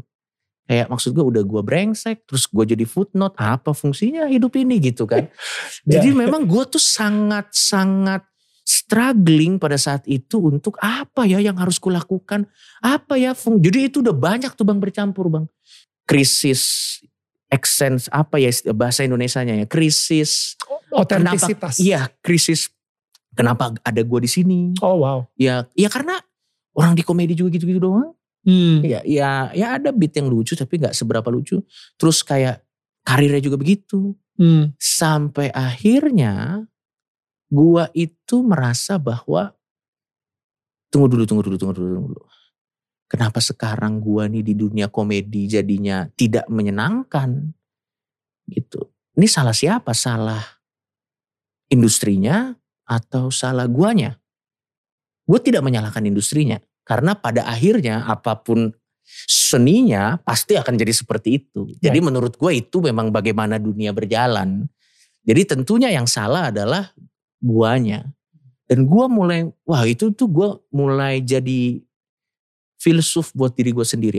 Ternyata selama ini gue ngapain ya kok gue cari, gue gali, gue gali, gue gali, gue gali, gue gali. Dan akhirnya saat itu kebetulan gue ketemulah sama tretan muslim. Hmm. Yang mana ternyata, se ya, sebelum gue ketemu tretan muslim, gue sadar gue ini pada saat itu datang ke dunia komedi untuk mengungkapkan keresahan gue right. tentang sesuatu yang mungkin gak banyak orang setuju tentang itu. Gak sekarang gini, pada saat keluarganya itu diberi makanan rohani dengan cukup, masa mau ada orang yang protes sih? Hmm. Tapi kalau gue protes karena ada point of view yang gak semua orang lihat gitu. Hmm. Oh berarti sebenarnya gue inget dulu tuh gue datang ke skena komedi nih karena memang gue tuh ingin mengungkapkan keresahan. Kayaknya gue harus kembali ke situ deh. Jadi gue buka pintu keresahan gue dalam diri gue. Anjir ternyata saya orang yang banyak resah. Hmm. Dan keresahan gue bukan keresahan, aduh hari ini panas ya. Itu sih bukan keresahan, itu fakta menurut gue. Hmm. Uh, keresahan gue tuh kayak hal-hal yang sangat luar biasa tabu. Hmm. Atau mungkin gak tabu, tapi kayak orang tuh kalau ngomongin itu tuh kayak, kok diomongin sih jadi, yeah. jadi rahasia umum aja kali gitu. Uh. Sampai akhirnya gitu. So good. Nah, gue lihat nih di skena komedi, ada gak yang seperti saya? Ada. Hmm. Tapi memang tidak terkenal. Hmm. Karena memang gak tahu. Karena memang di jenis komedinya yang membuat dia tidak terkenal. Hmm. Atau memang karena dia punya pekerjaan yang baik selain komedi. Hmm. Yang itu membuat gue, ah, berarti gue salah jalan ini di komedi. Buktinya gue dia gue Dan ketemulah gue dengan muslim. muslim. Ya. Dan ternyata nyambung kita bercandaan mengenai gue inget banget drone Amerika di Afghanistan. Ketawa-tawa lah kita sampai mau nangis. Terus gue bilang, Ternyata lo menganggap hal seperti ini lucu ya. Iya cok ini lucu cok. Setelah kita makin ngobrol, ngobrol, ngobrol. Ternyata dia juga orang yang penuh dengan keresahan. Dari mulai sukunya sendiri, dari mulai apa namanya bagaimana orang menganggap dia dengan sebelah mata. Dan ternyata kita klik. Dan jenis komedi kita sebenarnya kalau orang bilang dark sih ya nggak tahu ya itu penilaian orang. Tapi menurut gue sih bukan dark. Ya cuma ngomongin apa yang orang nggak berani ngomongin aja gitu. Dan akhirnya kita bilang oke okay, Slim kayaknya kita harus coba naik berdua di atas panggung. Hmm. Kenapa berdua cuy? Kalau sendiri gue agak yakin kita dipukulin. Tapi kalau berdua gue bilang setidaknya dipukulinnya berdua. Apa maksudnya? Ya nggak apa-apa lah berdua aja. Dukungan moral. Jadi kayak aduh aduh aduh gitu. Tapi ada di apa Tapi pada saat itu seragu itu emang seragu itu bang. Wow. karena seragu itu kayak ya kalau lo ya gue tidak akan sebut jokesnya di sini karena ini kan uh, tidak pada tempatnya. Maksud gue tuh kayak pada waktu kalau gue akan membawakan jokes semengerikan itu tidak mungkin dong saya sendiri dong. Bahkan gue tuh perlu kayak kon, uh, boost di rasa percaya diri. Jadi gue, ya, ya, ya.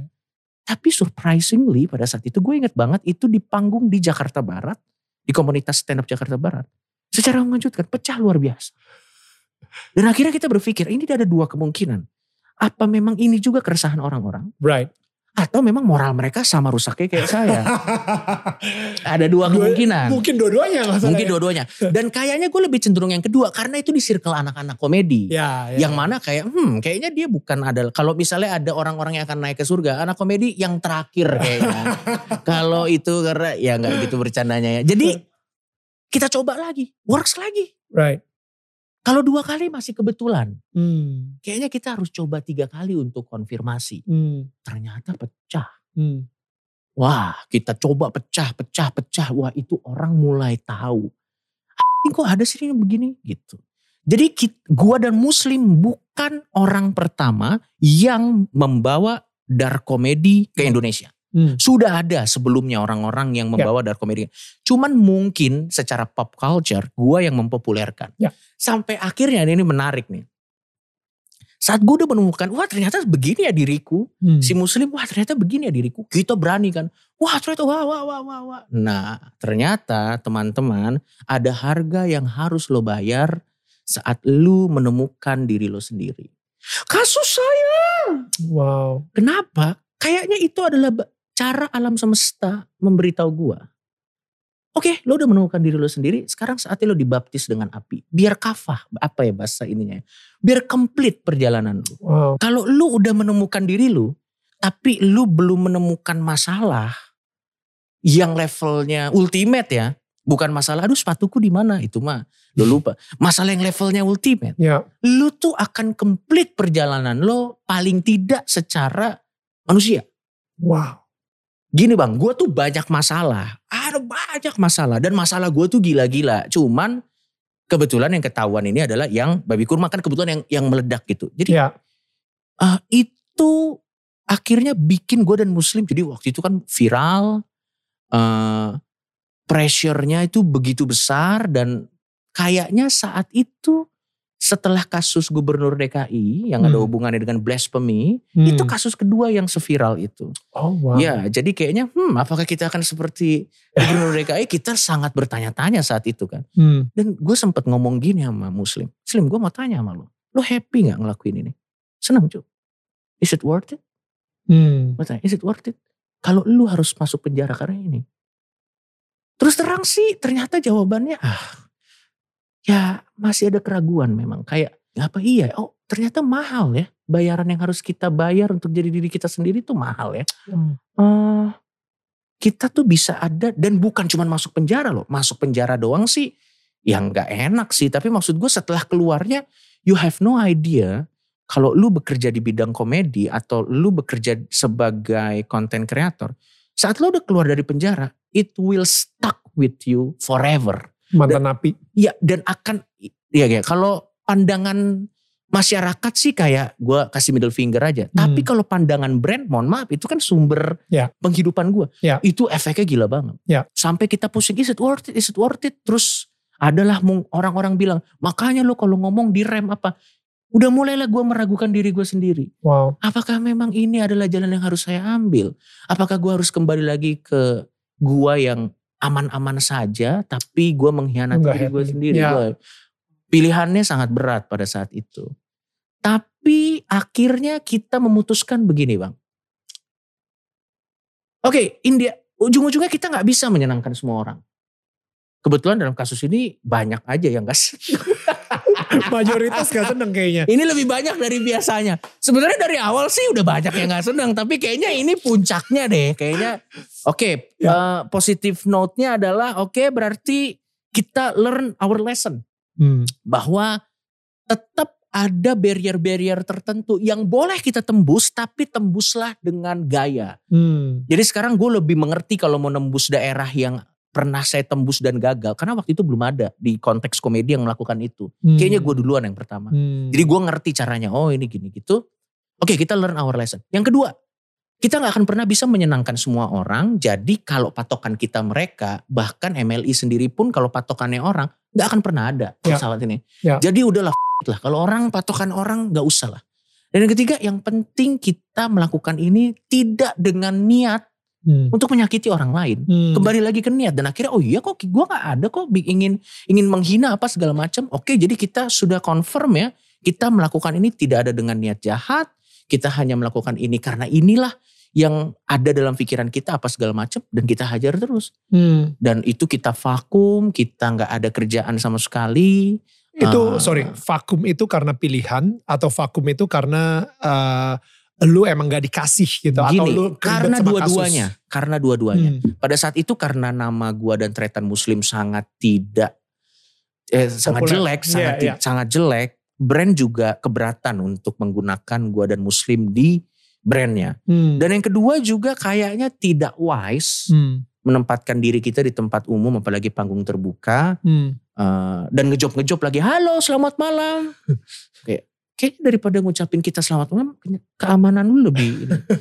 Jadi kita memang memilih untuk lay low. Oke. Dan lo harus paham bang, betapa menyiksanya hal tersebut. Untuk Hmm. orang kreatif, Hmm. lay low itu sama dengan siksaan terberat. Ya. You cannot do anything man. Hmm. Kalau oh enggak gue enak tidur-tidur ya anda pengangguran. Tapi kalau lu tuh adalah orang kreatif yang ininya ide yang setiap hari syuting, syuting, syuting. Wah gila kerinduannya sih gak bisa lo tahu. Ya, ya. Dan akhirnya proses kita lelo itu, itu yang menempa gue bahwa anjir lah. Gak worth it man. Yang kita lakuin tuh worth it man. Yang kita lakuin tuh worth it. Karena ternyata kalau gue diem, gue begini. Ini toh rasanya kalau gue jadi yang lama lagi gue bilang. Wow. Jadi akhirnya oh nggak worth it lah. Berarti ini cuman teg- bukan teguran mungkin kata-kata yang tepat. Ini bahwa alam semesta mengingatkan gua kalau lu sudah menemukan apa diri lo, itu tahap pertama. Hmm. Tahap keduanya bakal ada apinya Hmm. untuk memastikan oke layak nggak lo dapet ini. Nanti lo tinggal lepas. Jadi nanti kalau mental lo nggak dapet, lo lepas aja gitu. Tapi kalau misalnya lu tetap berpegang sama itu, wah lo keluar jadi orang gila. Dan gua memang jadi gila beneran sih dalam hal tertentu. Dan akhirnya setelah gua dapet itu dan banyak masalah lainnya, ya itu memang sampai taraf tertentu menempa gua untuk jadi orang yang lebih dewasa secara manusia sih. Ya. Yang memang upgrade, upgrade. ya upgrade. Ya. Yang memang gue tidak mau tunjukkan.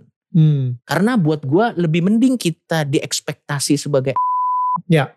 daripada kita diekspektasi sebagai beacon of hope gitu. Ya. Karena menurut gue kayak aduh capek men. Ya. Orang jadi kalau aja capek apalagi jadi wah gue capek gitu. Gue jadi gue mendingan itu. Akhirnya gue belajar bahwa kalau lo udah dapat apa yang lo mau, tinggal lo berpegang teguh sama apinya. Begitu lo keluar, lo pasti dapat apa yang lo mau. Hmm. Jadi ya udah gitu sekarang dan sekarang ya buat gua efeknya ya kalau ada orang-orang gitu yang datang terus ngasih-ngasih kita tuh harus begini apa segala macam tapi gue lihat di tracknya kayaknya lu belum pernah kena masalah yang berat-berat banget ah, gak valid ah gitu. Iya, iya, iya, iya. oh ya mungkin ya itu textbook banget sih ya akhirnya gue sekarang jadi lebih realistis sih untuk melihat oh well ya itulah perjalanan lo pasti akan ada naiknya akan ada turunnya gue Gila, gue suka, gila, gue suka banget sih. Lo Ah, yang ah. lu ngomong itu tadi benar-benar truth banget dan menurut gue kayak iya emang ketika lu menemukan diri lu sendiri dan lu akan dibaptis dengan api tersebut. Iya. Emang ada dua pilihan sih. Betul. Antara dia akan, eh ya dia akan benar-benar bertahan sama Hmm. idealisme dia Ya. atau dia let go idealisme tersebut dan menjadi orang baru karena lu udah ngelewatin Ya. api tersebut gitu. Betul. You know, where- ketika apinya itu nggak bisa membunuh lu, Ya. lu akan jadi ja- orang yang jauh lebih Betul. kuat gitu sekarang. Bahkan ya gue nggak tahu apakah ini hal yang negatif ya. Bahkan sekarang gue suka cari-cari sendiri apinya. Mana nih apinya? Wah, come on, sampai teman. Gak gitu kali cok sistem dibaptis dengan api ya itu sekali aja. Bukan berarti anda cari-cari apinya gitu. Enggak karena kayak Oh enggak, kalau gue justru setuju. Gue ya adalah tipikal orang Ah. yang oke bukan suka menyiksa diri sendiri ya, ya bukan gue I got it. bukan masokisme, Yes. tapi gue adalah orang yang em, apa ya choose your heart. Kayak kayak hidup ini susah. Ya. Lu tinggal pilih, lu mau pilih kesulitan yang mana. yes Eh, pernikahan itu sulit, Ya. tapi perceraian itu juga sulit. betul. Lu mau milih nikah atau cerai Ya, gitu. Ya, lu dua-duanya sama-sama sulit. betul. Em, lu nggak punya kerjaan susah, Ya. lu punya kerjaan juga susah gitu Iya karena betul. you know ada bos dan lain-lain gitu. Ya, Ya, ya. lu milih yang mana yang lu mau Hmm. Eh, kesulitan yang mana yang lu mau cari gitu. Dan gue lebih banyak memilih jalan-jalan yang mungkin orang suka ngomong the road less traveled. Art- Artinya orang yang Hmm, nggak semua mau ngejalanin yang itu. Ya. Gue lebih milih itu karena gue tahu at the end of the day Ya. dengan gue kayak sedikit menyiksa diri gue, hmm. gue menjadi orang yang jauh lebih baik gitu. Ya betul betul. So ya mencari apinya sendiri sih I betul like that. betul Eh, gini bang ah gue tuh saking seringnya nama gue ini terbalut dengan kontroversi keributan dan yang lain-lain. Pada saat ada kedamaian gamang gue Iya. apa ini? Apa ini masa kedamaian? tidak ada yang meng, meng hate speech gue gitu? Padahal orang nggak cok beginilah seharusnya manusia hidup loh. Anda yang terlalu gila. Tapi akhirnya gue sadar juga bahwa memang eh gue harus tahu juga kapan waktunya stop gitu. Jadi gue lagi lagi cari balance-nya. Cok, gue Yes. gue langsung to the point aja. Gue ngerasa Ah, lu ketika merasakan kedamaian, Ya. lu lagi ada di comfort zone. Ya. Dan karena lu adalah orang Betul. kreatif, lu nggak betah di comfort zone. betul betul lu itu dia. pengen keluar dari comfort zone. Dan lebih kerennya lagi, kalau misalnya lu ada di luar comfort zone, Betul. lu akan merasakan muzizat-muzizat yang atau mungkin kayak, Ya. what? Kok gue bisa selamat dari yang ini? Lo tau gak sih bang kayak eh gue nggak tahu ya bahkan gue dan Muslim itu sangat tidak nyaman dengan pujian. Hmm. Saking seringnya dihina. Bakal gue gua kasih tahu kenapa. Kalau dihina kita menganggap itu sebagai banter. Hmm. Dan lo tahu bagaimana merespon banter. roasting. Ya. Terus kalau dipuji, wah, gue ngelihat lo sih terinspirasi. Ah, gimana gue Ya, ngebales? banter ya. oh iya, terima kasih. Gitu doang. Gue nggak tahu, men. Bagaimana eh, eh, menghandle orang yang berterima kasih kepada gue. Iya, iya. Yang memang sekali lagi komedian itu punya masalah dengan affection. Gak semua, tapi rata-rata. Oke. Karena kalau kita sering dipeluk orang tua, kita nggak jadi komedian sih basically. jadi maksud gue, eh ya iya perjalanan hidupnya ya begitu kayak eh memang akhirnya ya ya itu yang gue gua dapetin. Bahkan pada saat itu pingin masuk TV itu komentar-komentarnya positif, takut kita. Ah, kok begini impactnya kepada mereka? Gimana nih part 2? Gak tahu cuk. Saatnya udah libur dulu gitu. Karena kita nggak tahu bahwa eh, impactnya tuh sebagus itu. Hmm. Ya ya udah tapi memang itu yang akan eh, ekspektasi sih expect. Hmm. Dan akhirnya kita mencoba. Nah ini dia yang gue dan Muslim tuh mencoba untuk terapkan dalam semua karya kita. Oke. Bukan lu yang ngatur, gue yang ngatur. Hmm. Biasanya orang bahas ini dong, bahas ini dong. Ya. Pasti nggak akan kita bahas. Iya, iya, iya. Karena ini bukan playground lu. Iya. Ada alasannya kenapa gue Coki Pardede dan lu ya nameless people. Jadi let me choose apa yang akan gue pilih. Apa yang gue akan suguhkan ke lo gitu. Karena ternyata gue melihat dengan mata kepala gue sendiri. Saat kita kasih makan orang-orang ini, Hmm. Lu akan terpenjara dengan orang-orang ini. Wow. Lu akan ter dan saya banyak sekali melihat teman artis terpenjara dengan fansnya gitu. Ya. Dan gue sih eh, memang saya tidak sekaya teman-teman yang ada di sana, tapi di saat yang bersamaan juga gue punya kebebasan yang lebih dari teman-teman yang di sana. Mana yang lebih baik? Gak ada. Life Hmm. is choice. Mungkin di sana gue sih mendingan nangis di Alphard ya cok daripada ke mana-mana naik wuling. Ya silakan is your choice. Tapi gue lebih mending naik ke mana-mana naik wuling, tapi nggak pernah nangis di wuling. Kalau gue sih milihnya gitu Hmm. I ya. like, ya bener, bener banget. Gak ada, jadi nggak ada yang lebih benar. Gue nggak merasa diri gue lebih benar. Mungkin mereka yang lebih bagus. Hmm, Toh gue juga lihat kok dengan mata kepala gue sendiri kesuksesan finansial mereka. hmm, Yang memang oh ya udah. Da- Tapi gue sih nggak pernah ngeluh ya bang. hmm, Eh, gini, gue tuh kadang minder loh. Hmm, Ada konten kreator, jangan artis deh. Kalau konten kreator tuh harusnya bukan artis. hmm. S- Itu juga udah definisinya Ya, udah, udah beda. Selebriti, selebriti. Right. Konten kreator tuh harusnya bukan selebriti. Hmm. Artis tuh juga harusnya bukan seperti artis yang kita pikir dengan definisi TV, bukan. Ya, ya. Jadi gini, kan konten kreator aja di sesama konten kreator, gue tuh minder. Karena kayaknya mereka itu put effort untuk berdandan. Ya. Gue ngeliat ah, anjing keren banget nih orang. Ya. Ya, ya gue nggak tahu ya apakah memang itu yang ya memang itu taste mereka. Gue tuh tidak pernah merasa gue punya gini ya. Kalau artis datang, selebriti datang, ada auranya. Hmm. Gigi di finir. Gue sih kalau ya terserah ya silakan finir gigi anda. Tapi menurut gue gigi di finir adalah tanda-tanda awal insekuritas menurut. Oh, bukan tanda-tanda awal lu menjadi artis. Bukan sih kayak karena pada saat dia jadi artis belum di vinil biasanya. Biasanya sudah di vinil saat insecure. Enggak ya itu jokes menurut. Gue tuh ah, ini artis nih auranya begini. Hmm. Gue tidak pernah merasa punya aura itu. Hmm. Eh gue tuh berkali-kali dikasih asisten. Hmm. Ini cok asisten. Untuk apa orang ini ngikutin gue gitu kayak. Bang nih gue ambilin. Enggak kenapa gue bisa ngambil sendiri gitu. Hmm. Eh, enggak bang ini gue ambilin. Enggak. Gue gak nyaman dilayani seperti Hmm. itu. Karena eh, pertama saya bukan Fir'aun ya. Yang enjoying kayak eh, bikin piramida gitu. Enggak. Terus yang kedua gue terbiasa untuk melakukan segala sesuatunya sendiri. Hmm. Kecuali memang gue butuh bantuan orang lain. Hmm. Eh, dan akhirnya tuh pada saat gue melihat anjir ini bahkan kadang ada konten kreator dan artis lebih terkenal glamornya daripada karyanya itu sendiri Wow. gitu. Ya. Ya udah dan akhirnya oh ya udah ternyata cara mainnya tuh gitu. Di, Hmm. Cara mainnya tuh begini di sini. Ya nggak salah juga. Tapi lu ya gini deh bang, lu kan udah banyak nih orang datang ke sini. Hmm. Ya pasti gue termasuk top 5 orang yang auranya paling tidak artis di antara semua semuanya. Cara ya ampun gue ke mana-mana pakai celana pendek, terus Hmm. gue pakai sendal. Hmm. Gue nggak tahu ya apa karena kengerian hidup yang gue alami Hmm. membuat gue kayak merasa semua ini fana. Jadi itu mempengaruhi fashion gue kayak untuk apa saya pakai tas Gucci Ya. kalau semuanya fana jadi gila gitu. Eh, tapi intinya yang ada dalam pikiran gue adalah ini ya yang di depan eh ini aja lah gitu. Hmm. Sampai kadang-kadang ditegur juga, Cok. Gue tahu sih lu tuh free spirit, Hmm. tapi nggak gini-gini juga dong fashion lo. Tapi ya sorry bang, gue bukan maksud gue untuk apa-apa. Tapi memang ya nggak tahu ya.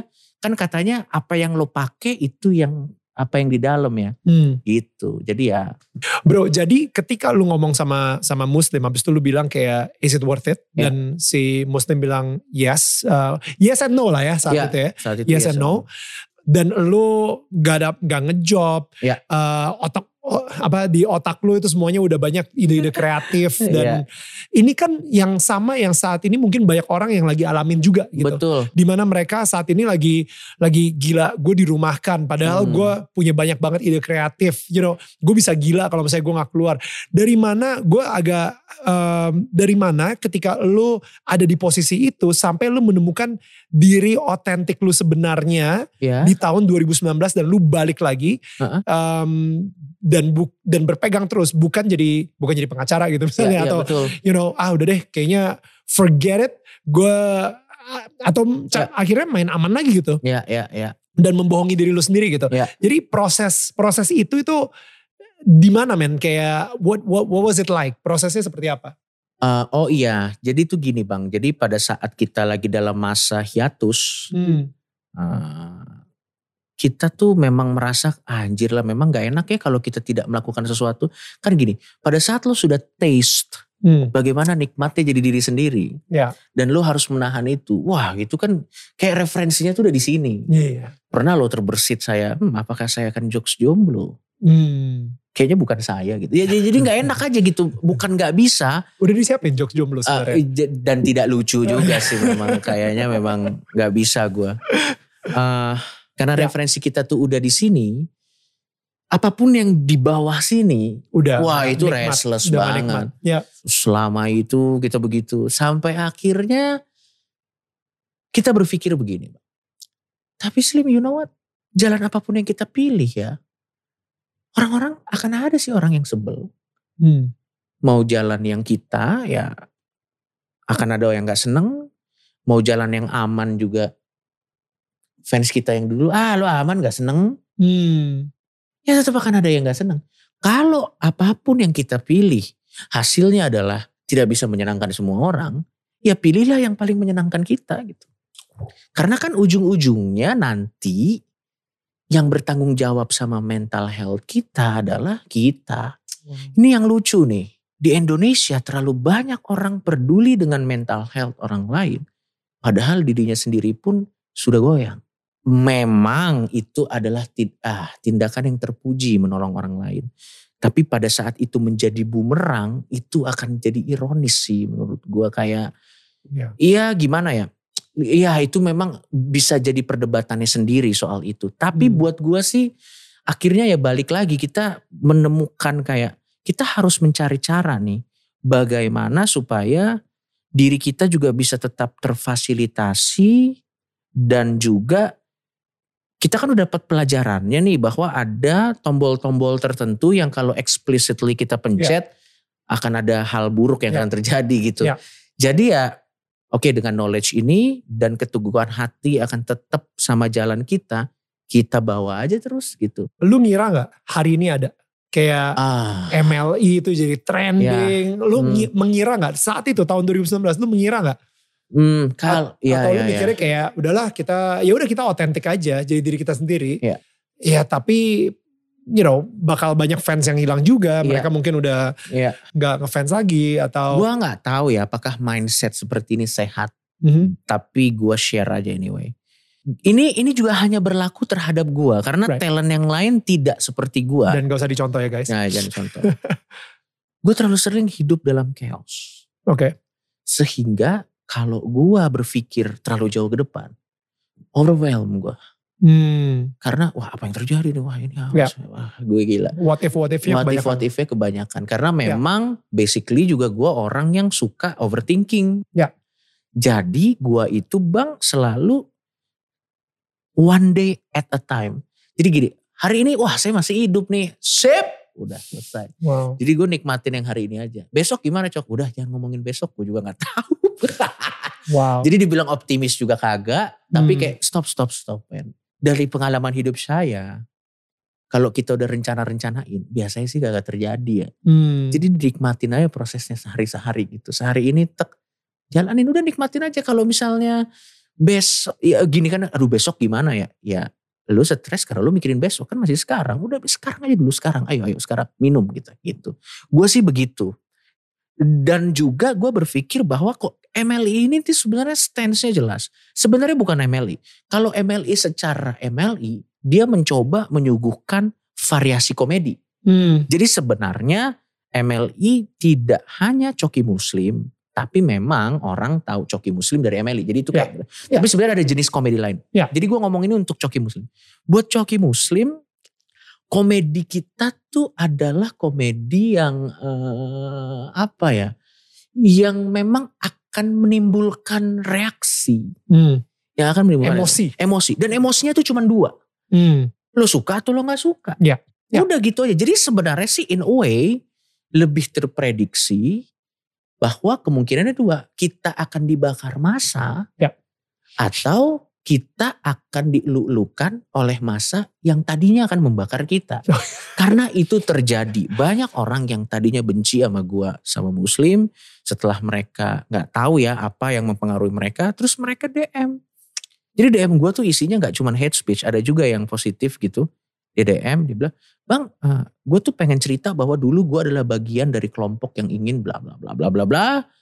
Dan ternyata setelah gue bla bla bla bla bla, gue melihat maksud lo bla bla bla, thank you ya bang gitu. Terus gue bilang, oh wow keren juga gitu. Dan ya udah, eh gue tidak pernah menyangka kalau MLI akan ada di posisi ini. Bahkan secara finansial gue berani bilang kita termasuk cukup sehat di situasi keadaan kayak gini. Hmm. Jarang yang kayak gitu. Ya. Tapi memang ya nggak kaget juga karena memang kalau lu memulai sesuatu dengan cara yang luar biasa ekstrim, Hmm. ya lu akan dapat sesuatu yang bagus juga. Ya. Entah itu eh akan dapat sesuatu yang ekstrim juga, entah itu Hmm. di positive way Hmm. or in a Negative negative way. Untungnya kita negative way-nya sih baru kemarin aja Hmm. secara MLI-nya. Hmm. Uh, ya sekarang sih uh, ya mudah-mudahan lah. Dan gua tidak tempting, gue mencoba untuk menjaga diri gue untuk tidak mencoba menerka-nerka bagaimana nasib MLI ke depan. Ya. Karena gue takut gue kehilangan gini, hidup itu untuk hidup buat gue. Jadi gue akan mengurangi semua hal-hal yang bikin filosofi gue hidup untuk hidup ini jadi tidak berlaku. Gue takut gitu kalau gue punya target-target yang terlalu eh, ambisius, hidup gue tuh jadi target itu. Hmm. Hidup gue tuh bukan hidup gue gitu. Gue pengen live every moment setiap detik ini kayak satu, dua, tiga. Gue pengen gitu. Jadi ya buat gue sih gitu aja sih kalau gue. Apakah ini terdengar seperti orang males? Bisa jadi. Tapi kalau it- tapi kalau buat kepala gue itu yang works. Hmm. Uh, mungkin buat orang tidak, mungkin buat orang lain berbeda karena ada orang lain yang enggak cok, semua harus diperhitungkan, semua begini. Ya by all means silakan. Iya, Gue juga itu itu Itu- itu bagus buat lu Iya gitu. itu bagus Hmm. buat lo. Tapi kalau buat gue sih setiap detik, set- karena gini ini yang ironis. Kadang kita punya tujuan yang ambisius. Kita perhitungkan setiap detik, setiap momen, setiap keputusan, bahkan kita berkorban untuk itu. Saat hal itu kita dapatkan, malah merasa kosong. Mendingan gua ngitung detik. Satu, dua, tiga. Gini, apakah saya pernah merasa kosong? Of course. Tapi gua figure it out satu-satu gitu. Ya. Dan menurut gua sih slow down, slow down, slow down gitu. Yang lucu kan kayak ambisius. Wah saya udah dapat project ini. Ha, bikin SMP sama teman-teman pulang ke rumah. Apalagi yang akan kulakukan. Bingung kan lo? Kayaknya satu-satu aja satu-satu. Tapi ini berlaku untuk gua. Bahwa gua belajar untuk selalu menikmati hidup pelan-pelan satu-satu. Dan ini juga menarik bang. Karena gua ini datang dari orang yang kena sering kena masalah ya. There's no such thing like no exit. Kalau lu sampai ada di poin tidak ada exit, itu lu yang bikin, lu yang bikin tidak ada exit. Hmm. Iyalah kalau ah ini kayaknya nggak ada jalan keluar, itu mental block buat gua. Selalu Hmm. ada jalan keluar menurut gua. Hmm. Cuman biasanya kan kita tidak berani melakukan sesuatu, ah nanti kalau kayak gini gua gini. Berarti nggak ada jalan keluar. Ya berarti bukan nggak ada jalan keluar. Lu nggak berani mengambil jalan yang itu akan cost you the most. Wow. Tapi jangan-jangan itu jalan keluarnya. Iya, dan harus ingat teman-teman ya kalau lu ada di momen di mana lu tuh makan hati terus. Hmm. Ingat kata-kata gue, hidup itu untuk hidup. Hidup tuh bukan untuk bertahan. Kalau lu hidup untuk bertahan, sorry itu saya tanpa maksud menyinggung siapa-siapa. Lu apa bedanya dengan orang yang ada di alat bantu? Tit, tit. Cuman Hmm. bedanya lu bisa jalan-jalan ke mall aja. Wow. Tapi spirit animal lo tit, tit gitu. Ya. Ya. Men hidup tuh untuk hidup, hidup tuh untuk bukan untuk bertahan. Just Hmm. enjoy your life aja lah. Kalau memang punya target boleh, tapi jangan terlalu ambisius tentang itu. Eh, biarlah semua berlangsung dengan gini. Gue nih cukup philosophical untuk orang yang agnostik. Karena buat gue pada saat lu positif, positif itu akan kembali lagi kepada lu dengan cara yang lain. Ya. Sehingga pada saat ternyata ambisi lo tidak tercapai one way or another, pasti pasti akan diganti dengan cara yang lain. Cuman kadang karena kita terlalu sedih nih sama ambisi kita yang tidak tercapai, kita nggak sadar gantinya mungkin udah kita dapetin gitu. Ya. Gila gue kayaknya itu gagal men, tapi kita lagi naik Alphard. Iya nih waktu itu kita gagal ini gue. Lo ini Alphard ini gantinya. Makanya jangan jangan ini, jangan apa namanya harus move on aja udah. Ya kalau gagal, waduh gue bahkan buat gue tuh kegagalan tuh udah kayak oh oh ya udah yuk next gitu aja. Wow. Ya kayak loh saya ini adalah definisi kumpulan kegagalan bang.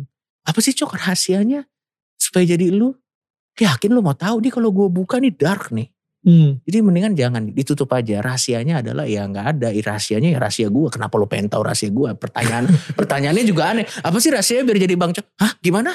Lo mau jadi gue? Ya nggak bisa lah. Gue ya gue lah. Kenapa Yeah. lo pengen tahu gitu? Iya rahasianya sih mungkin adalah. So, no, no, tell, tell me more about the, lu itu adalah kumpulan dari kegagalan-kegagalan. Oh iya karena gini. Wah ini akan sangat panjang. Tapi karena lo tanya gue jawabnya nggak apa-apa ya. Gak apa-apa, kita gak ada, kita bukan di TV. Oke. Biasanya kalau di TV udah ada FD gitu. iya, ini, ini kita gak ada durasi. Gue ini adalah kumpulan kegagalan-kegagalan bahkan pertama tentunya adalah kegagalan memenuhi ekspektasi standar bokap nyokap gue. Oke. Sekarang gini bang, bokap nyokap gue setiap pagi bangun baca Alkitab. Nah anaknya tatonya 666. Hmm. Definisi kegagalan apa lagi itu? Nah, Hmm. Maksud gue tuh dari situ aja kalau gue menganggap itu sebuah kegagalan, itu udah gagal. Apa yang membuat lu kepikiran untuk mentato 666 saat Oke, itu? ini ada tato 666, ada tato Lucifer. Sebenarnya gini, Saat itu, saat itu. saat itu Ah, ah. Gi- eh, gini, sebenarnya sampai sekarang sih jadi gini eh, banyak orang bermasalah tentang simbolisme-simbolisme tertentu dalam sebuah konteks apa pun lah Ya. entah itu dalam konteks agama dan Hmm. yang lain-lain gitu ya padahal kalau buat gua jadi gini sebenarnya angka 666 ini secara pop culture Hmm. bukan secara biblical ya, secara Hmm, ya. pop culture, ini merepresentasikan demon. Ya. Dan kalau kita sebut kata demon, apa sih yang terbersit di pikiran kita? Rebellious. Ya. Orang yang pemberontak. Dia adalah pribadi pertama kalau kita pakai kekristenan ya. Hmm. Dia adalah pribadi pertama yang memberontak sama Allah. Ya.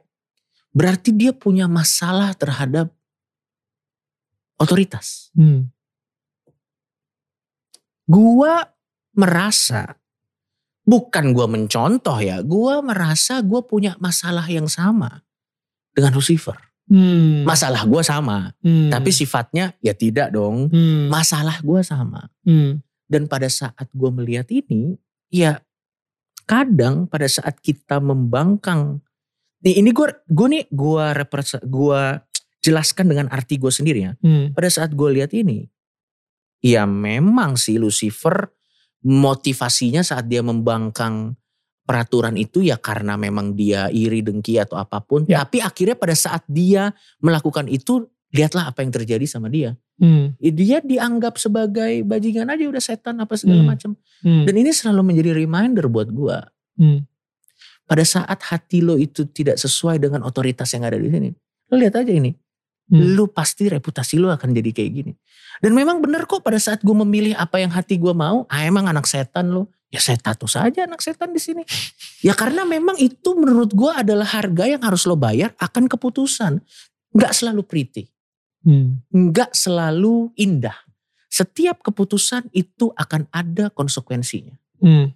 Jadi kalau gue lihat ini 666, oh iya ini ya, ya inilah ini yang terjadi pada saat lu mengambil sebuah keputusan dan lu harus menjalani konsekuensi dari keputusan itu. Apa? Reputasi yang tidak pernah hilang selama ribuan tahun.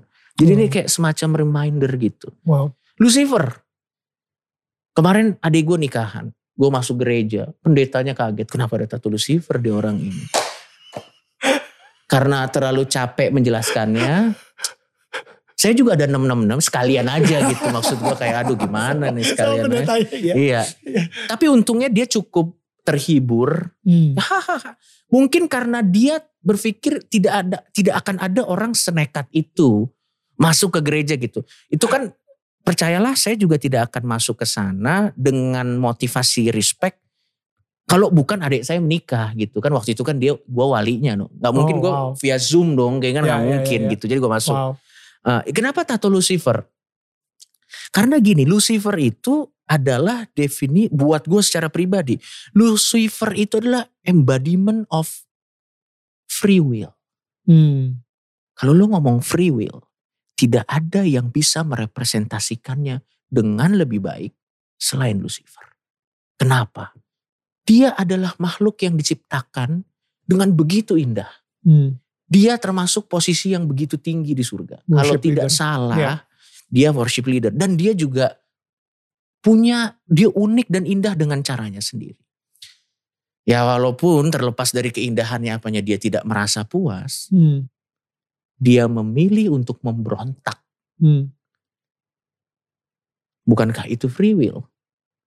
Dan dia mengambil konsekuensi akan keputusannya dia. Hmm.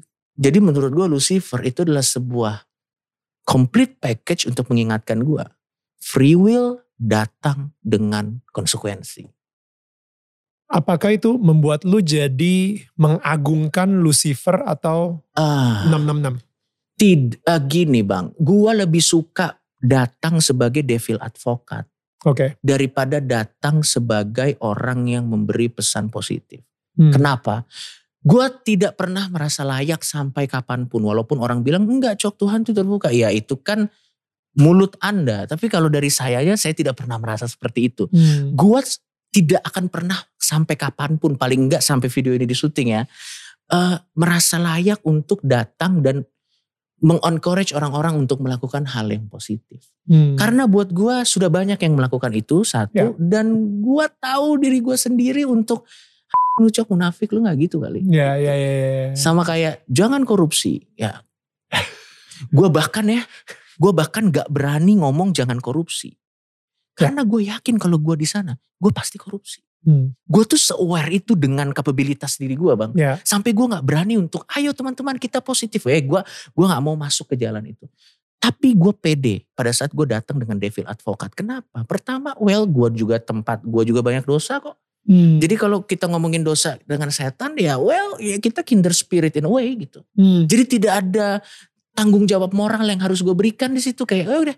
Dan yang kedua adalah pada saat lo datang dengan sesuatu yang negatif tapi benar, Ya. orang kan mikir apa sih nih? Hmm. Jadi baca lagi. Ya. Dia jadi baca lagi apa yang dia pelajarin. Ya. Message-nya Ya. dapat dong. Ya. Menurut gue ya kayaknya lebih berhasil cara gue daripada Iya. exactly. Lah, eh, Bener. menurut gue tuh kayak gitu dan itu juga enak di gue berhasil di sana ya udah Ya. kenapa enggak menurut Ya. gue dan gue tidak gini apakah lu mengagungkan Lucifer gini eh harus diakui walaupun Lucifer tuh adalah evil yang definisinya dalam bahasa Indonesia adalah kejahatan kita belajar kok dari kesalahannya Hmm. ya itu kan faktanya Hmm. Yudas Iskariot Hmm. dia pengkhianat ya tapi kita belajar kan dan bahkan gue berani bilang kita dapat manfaat Yesus jadi ditebus menebus umat manusia jadi menurut Iya. gue the biggest in the universe kita juga bisa belajar dari situ gue tidak pernah menutup pintu di mana gue bisa belajar sesuatu Iya. karena gue tuh agak sebel juga kayak misalnya Lucifer orang langsung defensif Hmm. orang langsung eh, Ya, ya betul, betul. menutup betul, dirinya untuk bisa mengetahui siapa sih Lucifer ini gitu Betul. dan yang yang ironis adalah gini, kan Lucifer tuh artinya bintang jatuh. Hmm. Bintang jatuh tuh karena memang ya dia jatuh aja dari surga. Tapi lu juga nggak tahu kan ada keindahan kan dari sebuah bintang yang jatuh. Hmm. Ya tapi lu menutup diri lu sih Wow. untuk untuk tahu tentang Lucifer. Gini ya, saya bukannya jadi advokat Lucifer walau sampai kapan pun permasalahannya bukan apakah Lucifer eh, Lucifer itu eh, jahat atau tidak. Kalau gua sebagai agnostik, dia ada nggak? Itu permasalahan gua. Jadi nggak sampai di apakah dia jahat atau enggak. Jadi kalau gua mau ngambil approach netral nih sama kayak gua memahami Thor, Hmm. sama gua memahami Odin. Zeus atau Zeus. ya. Terlepas dari beliau ada atau tidak, tapi kan ada keindahan yang bisa kita pelajari di situ. Right, that's good. Nah, tapi orang kan sebenarnya ini gue jelasin di konten lo doang. Orang tuh kalau ngeliat tato-tato setan, ih memang anak setan. Ya udah biarin aja, males gue jelasinnya juga. Iya, iya. Oke, sorry tadi itu baru Ah. kegagalan pertama tuh Ya, tentang uh, pertama. orang tua. Nah, Hmm. uh, abis itu itu nomor satu. Ya. Coki adalah kumpulan dari kegagalan Kegagalan-kegagalan. Hmm. Kegagalan dalam menjadi sesuatu yang membanggakan untuk orang tua. Dalam konteks edukasi, Hmm. pendidikan. Gini, lo harus paham, orang Batak ini adalah suku yang memiliki harga diri yang sangat tinggi. Dan itulah juga yang membuat mereka sangat sukses di berbagai bidang. Hmm. Jadi itu bukan hal yang buruk. Ya. Tapi di dalamnya banyak anak muda mental illness. Karena kena peer pressure dari Ya. teman-teman dan apa. Ya itu tua. Ya. just fact. Ya. Ya memang bokap nyokap gue sih tidak menuntut ya. Ya. Supaya anaknya menjadi juara atau apa. Tapi the fact that mereka tidak menuntut. Apakah memang sebegitunya? Ekspektasi mereka kepada gue gitu loh gue tuh saking Oh. lo ngerti kan maksud gue Ya. karena gue lihat "Hmm, yang lain-lain dituntut. Kenapa saya Hmm. tidak dituntut? Ini antara pengertian atau emang wah gue jadi gitu. Gue tuh memang begitu. Dan memang harus diakui pada saat itu saya bolos-bolos terus memang. Jadi gue kuliah itu yang pertama gagal karena gue nggak pernah masuk. Ya emang orang gila aja. Hmm. terus yang kedua itu pun baru selesai. Ya nilainya oke lah ternyata Hmm. kalau gue coba gue bisa ya, karena gue yakin gue sebenarnya pinter tapi memang pada saat itu males tapi ya gue lulus tuh merasa seperti lulus ya lulus aja gitu Hmm. dan pada saat itu gue masih mahasiswa Hmm. adik gue masih mahasiswa Hmm. adik gue yang satu lagi mahasiswa dan kayaknya sih gue lihat adik gue juga tidak akan membanggakan sih kalau gue lihat arah-arahnya hmm. dan kan gini ya biasanya ada beban anak pertama tuh akulah anak pertama Ya ya ya. aku akan menjadi tulang punggung keluarga gue nggak tahu kenapa ya itu nggak pernah ada loh di, Ya. di pikiran Tapi mungkin itu dari orang tua lu juga yang gak pernah ngasih pressure gitu. betul dan ya gue yakin mereka tidak ada maksud jahat ya mungkin maksudnya kayak ini adalah cara mendidik anak modern Hmm. Tapi anak Anda bertanya-tanya, apakah Anda tidak percaya diri terhadap anak Anda? Ya menurut gue sih gitu.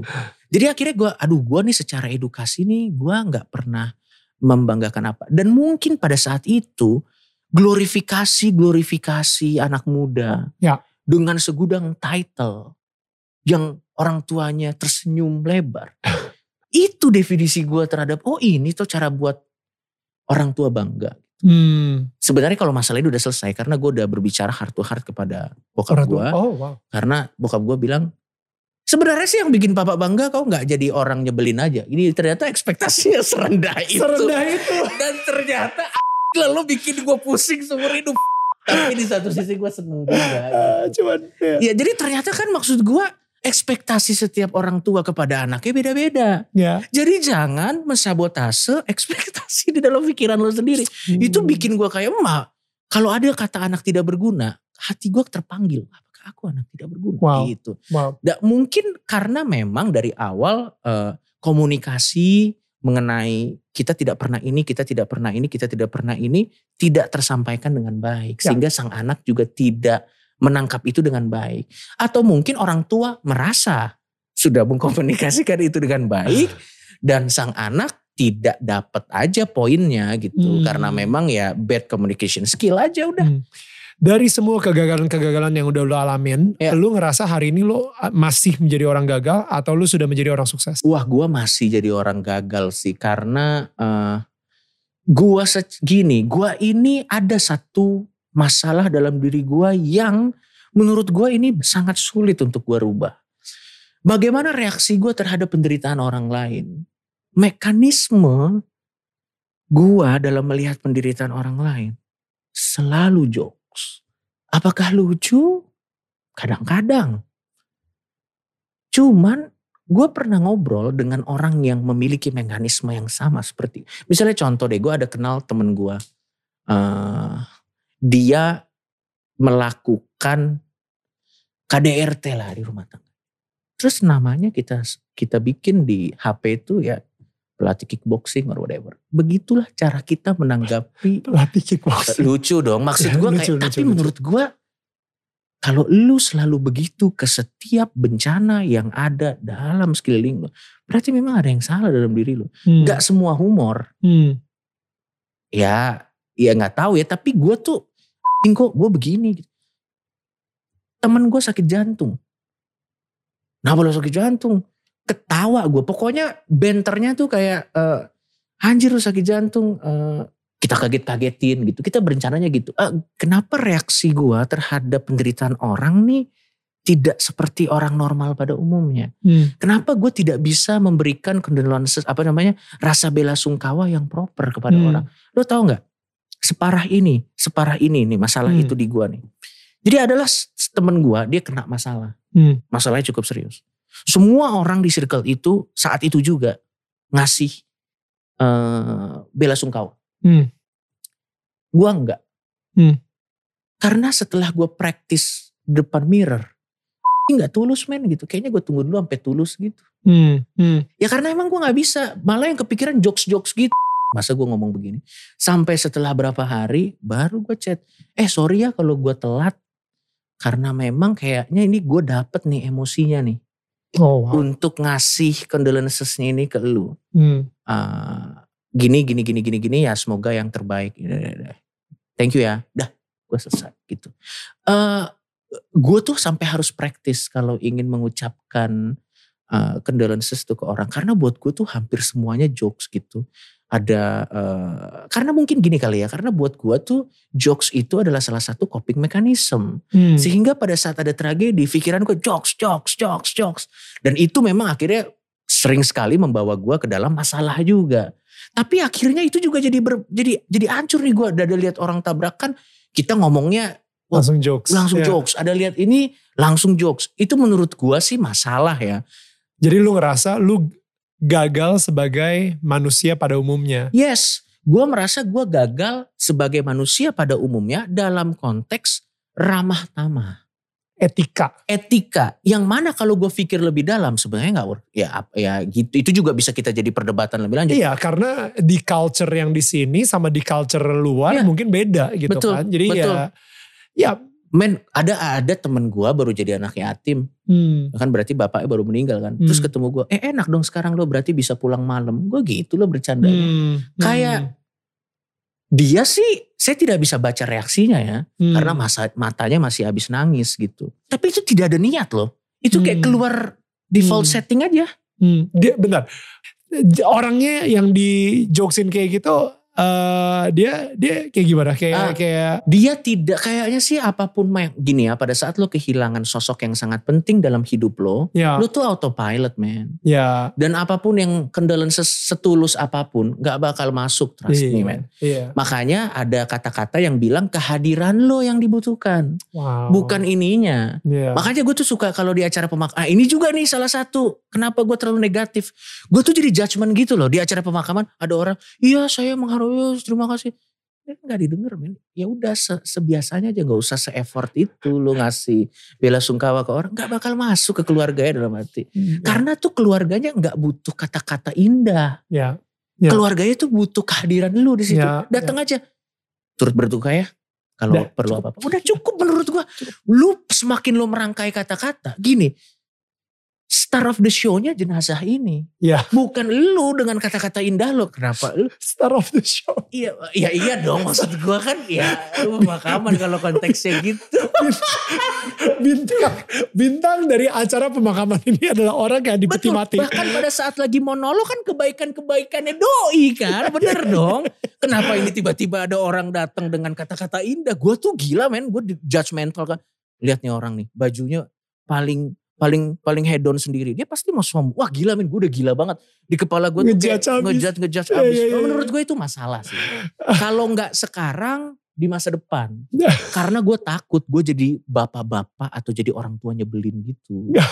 yang grumpy gitu. Apa nih anak muda nih? Belajar, belajar. Gue gak mau gitu. Jadi gue berusaha untuk kayaknya gue harus tone down deh. Kayaknya gak semua hal itu seburuk yang gue pikirkan gitu. Gue harus, itu masalah sih menurut gue. Oh, that's hilarious.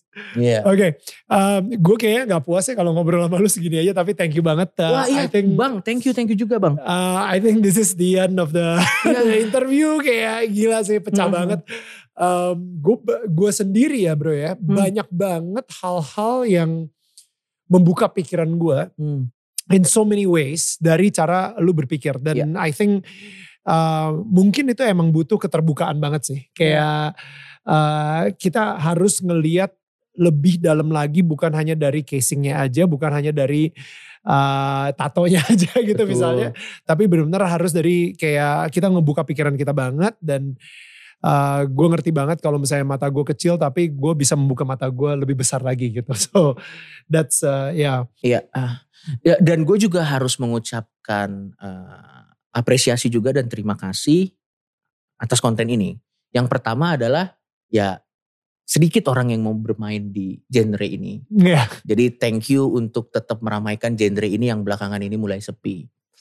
The whole genre-nya maksud gua. right Karena kayak orang udah kayak merasa kayaknya daripada lebih gampang kita binasakan deh daripada kita edukasi. Mindset orang tuh sekarang udah begitu. Wow. Jadi buat gua kalau ada orang yang tetap mau di genre ini, wah itu sih harus disupport. Thank you. Apalagi effort ya. Hmm. Dan gue lihat sih effort. Effort lah, effort, effort, effort. Gue harus naik-naikin ini. Oh iya. menurut gue sih effort. Jadi menurut gue thank you. Terus yang kedua juga uh, thank you juga udah kasih gue sebuah uh, panggung dan gila pertanyaan lo tuh gue belum pernah ditanya dari semua orang yang menginterview gue uh, kayaknya lo salah satu yang bisa bikin gue mengutarakan apa yang ingin gue utarakan. Oh wow. Gini, gue tuh ada di kepala gue. Gue pengen ngutarain ini. Cuman pilihannya dua. Entah itu gue bikin dalam bentuk jokes hmm. yang belum ada jokesnya. Atau gue utarakan itu sebagai opini yang gue akan kelihatan so asik. Ya. Kalau tiba-tiba gue di Instagram, jadi menurut saya kehidupan itu yeah. kenapa gue jadi begini. Tapi untuk ada podcast ini, thank you bro. Saya bisa jadi tidak so asik. Thank you. thank you. Iya yeah, yeah, thank you, thank you, thank you. Dan guys, uh, again, maksudnya banyak banget pemikiran-pemikiran dari Coki Pardede sendiri yang yang mungkin juga ngebuka uh, pikiran kalian juga, ngebuka mata kalian juga. Kalau misalnya kalian ngerasa ini wa, apa wajib banget dan patut banget didengerin oleh salah satu dari tetangga kalian, orang yang kamu sayangin, yuk kirim aja uh, link ini share ke mereka video ini dan pastinya juga uh, um, kita udah ada di podcast juga seluruh digital platform podcast. Jadi kalian bisa langsung search di Daniel tetangga kamu dan uh, jangan lupa di follow juga guys. Dan of course check out our Instagram di @danielmanantan_network dan pastikan um, kalau misalnya lu ngeliat kayak atau ngedengar tadi ada beberapa quote-quote dari Coki yang kena banget di hati lu, tulis tulis di uh, kolom komentar um, atau tag kita di Instagram Coki Pardede 666 atau di @danielmananta network dan um, asli gue enjoy banget bro. Gua thank you, thank you. Likewise bang, likewise. Really, thank you. Gue cuman uh, agak ingin memperingati lo untuk mengencourage mereka komen di apa namanya di konten lo. Yeah. Karena gue bisa menebak pasti komennya cak cak gitu doang sih. Iya karena gue kan terkenal dengan cuak cuak cuak. Oh iya iya iya, iya, iya gue ngeliat tuh banyak iya, yang cuak cuak cuak. Ya tapi enggak lah yang nonton tetangga Daniel Mananta sih. gue baru tahu ternyata itu konsepnya tetangga kita sebarkanlah mulai dari tetangga. Kita positif sekali. Ya, yeah, karena tetangga saling menyangga bukan menyangga. Oke. Peace out. Thank you so much guys sudah mendengarkan podcast Daniel Tetangga Kamu. Dan jangan lupa di follow podcastnya dan share ke sosial media kalian menggunakan hashtag Daniel Tetangga Kamu. Sebisa mungkin gue akan repost keseruan kalian ketika lagi mendengarkan podcast ini. Kalian juga bisa menyaksikan Daniel Tetangga Kamu setiap hari jam 4 sore waktu Indonesia bagian Barat di channel YouTube Daniel Mananta Network. Karena setiap minggunya akan ada sosok-sosok inspiratif yang akan menceritakan perjalanan hidup mereka dan hubungan mereka dengan Tuhan. Sampai ketemu minggu depan.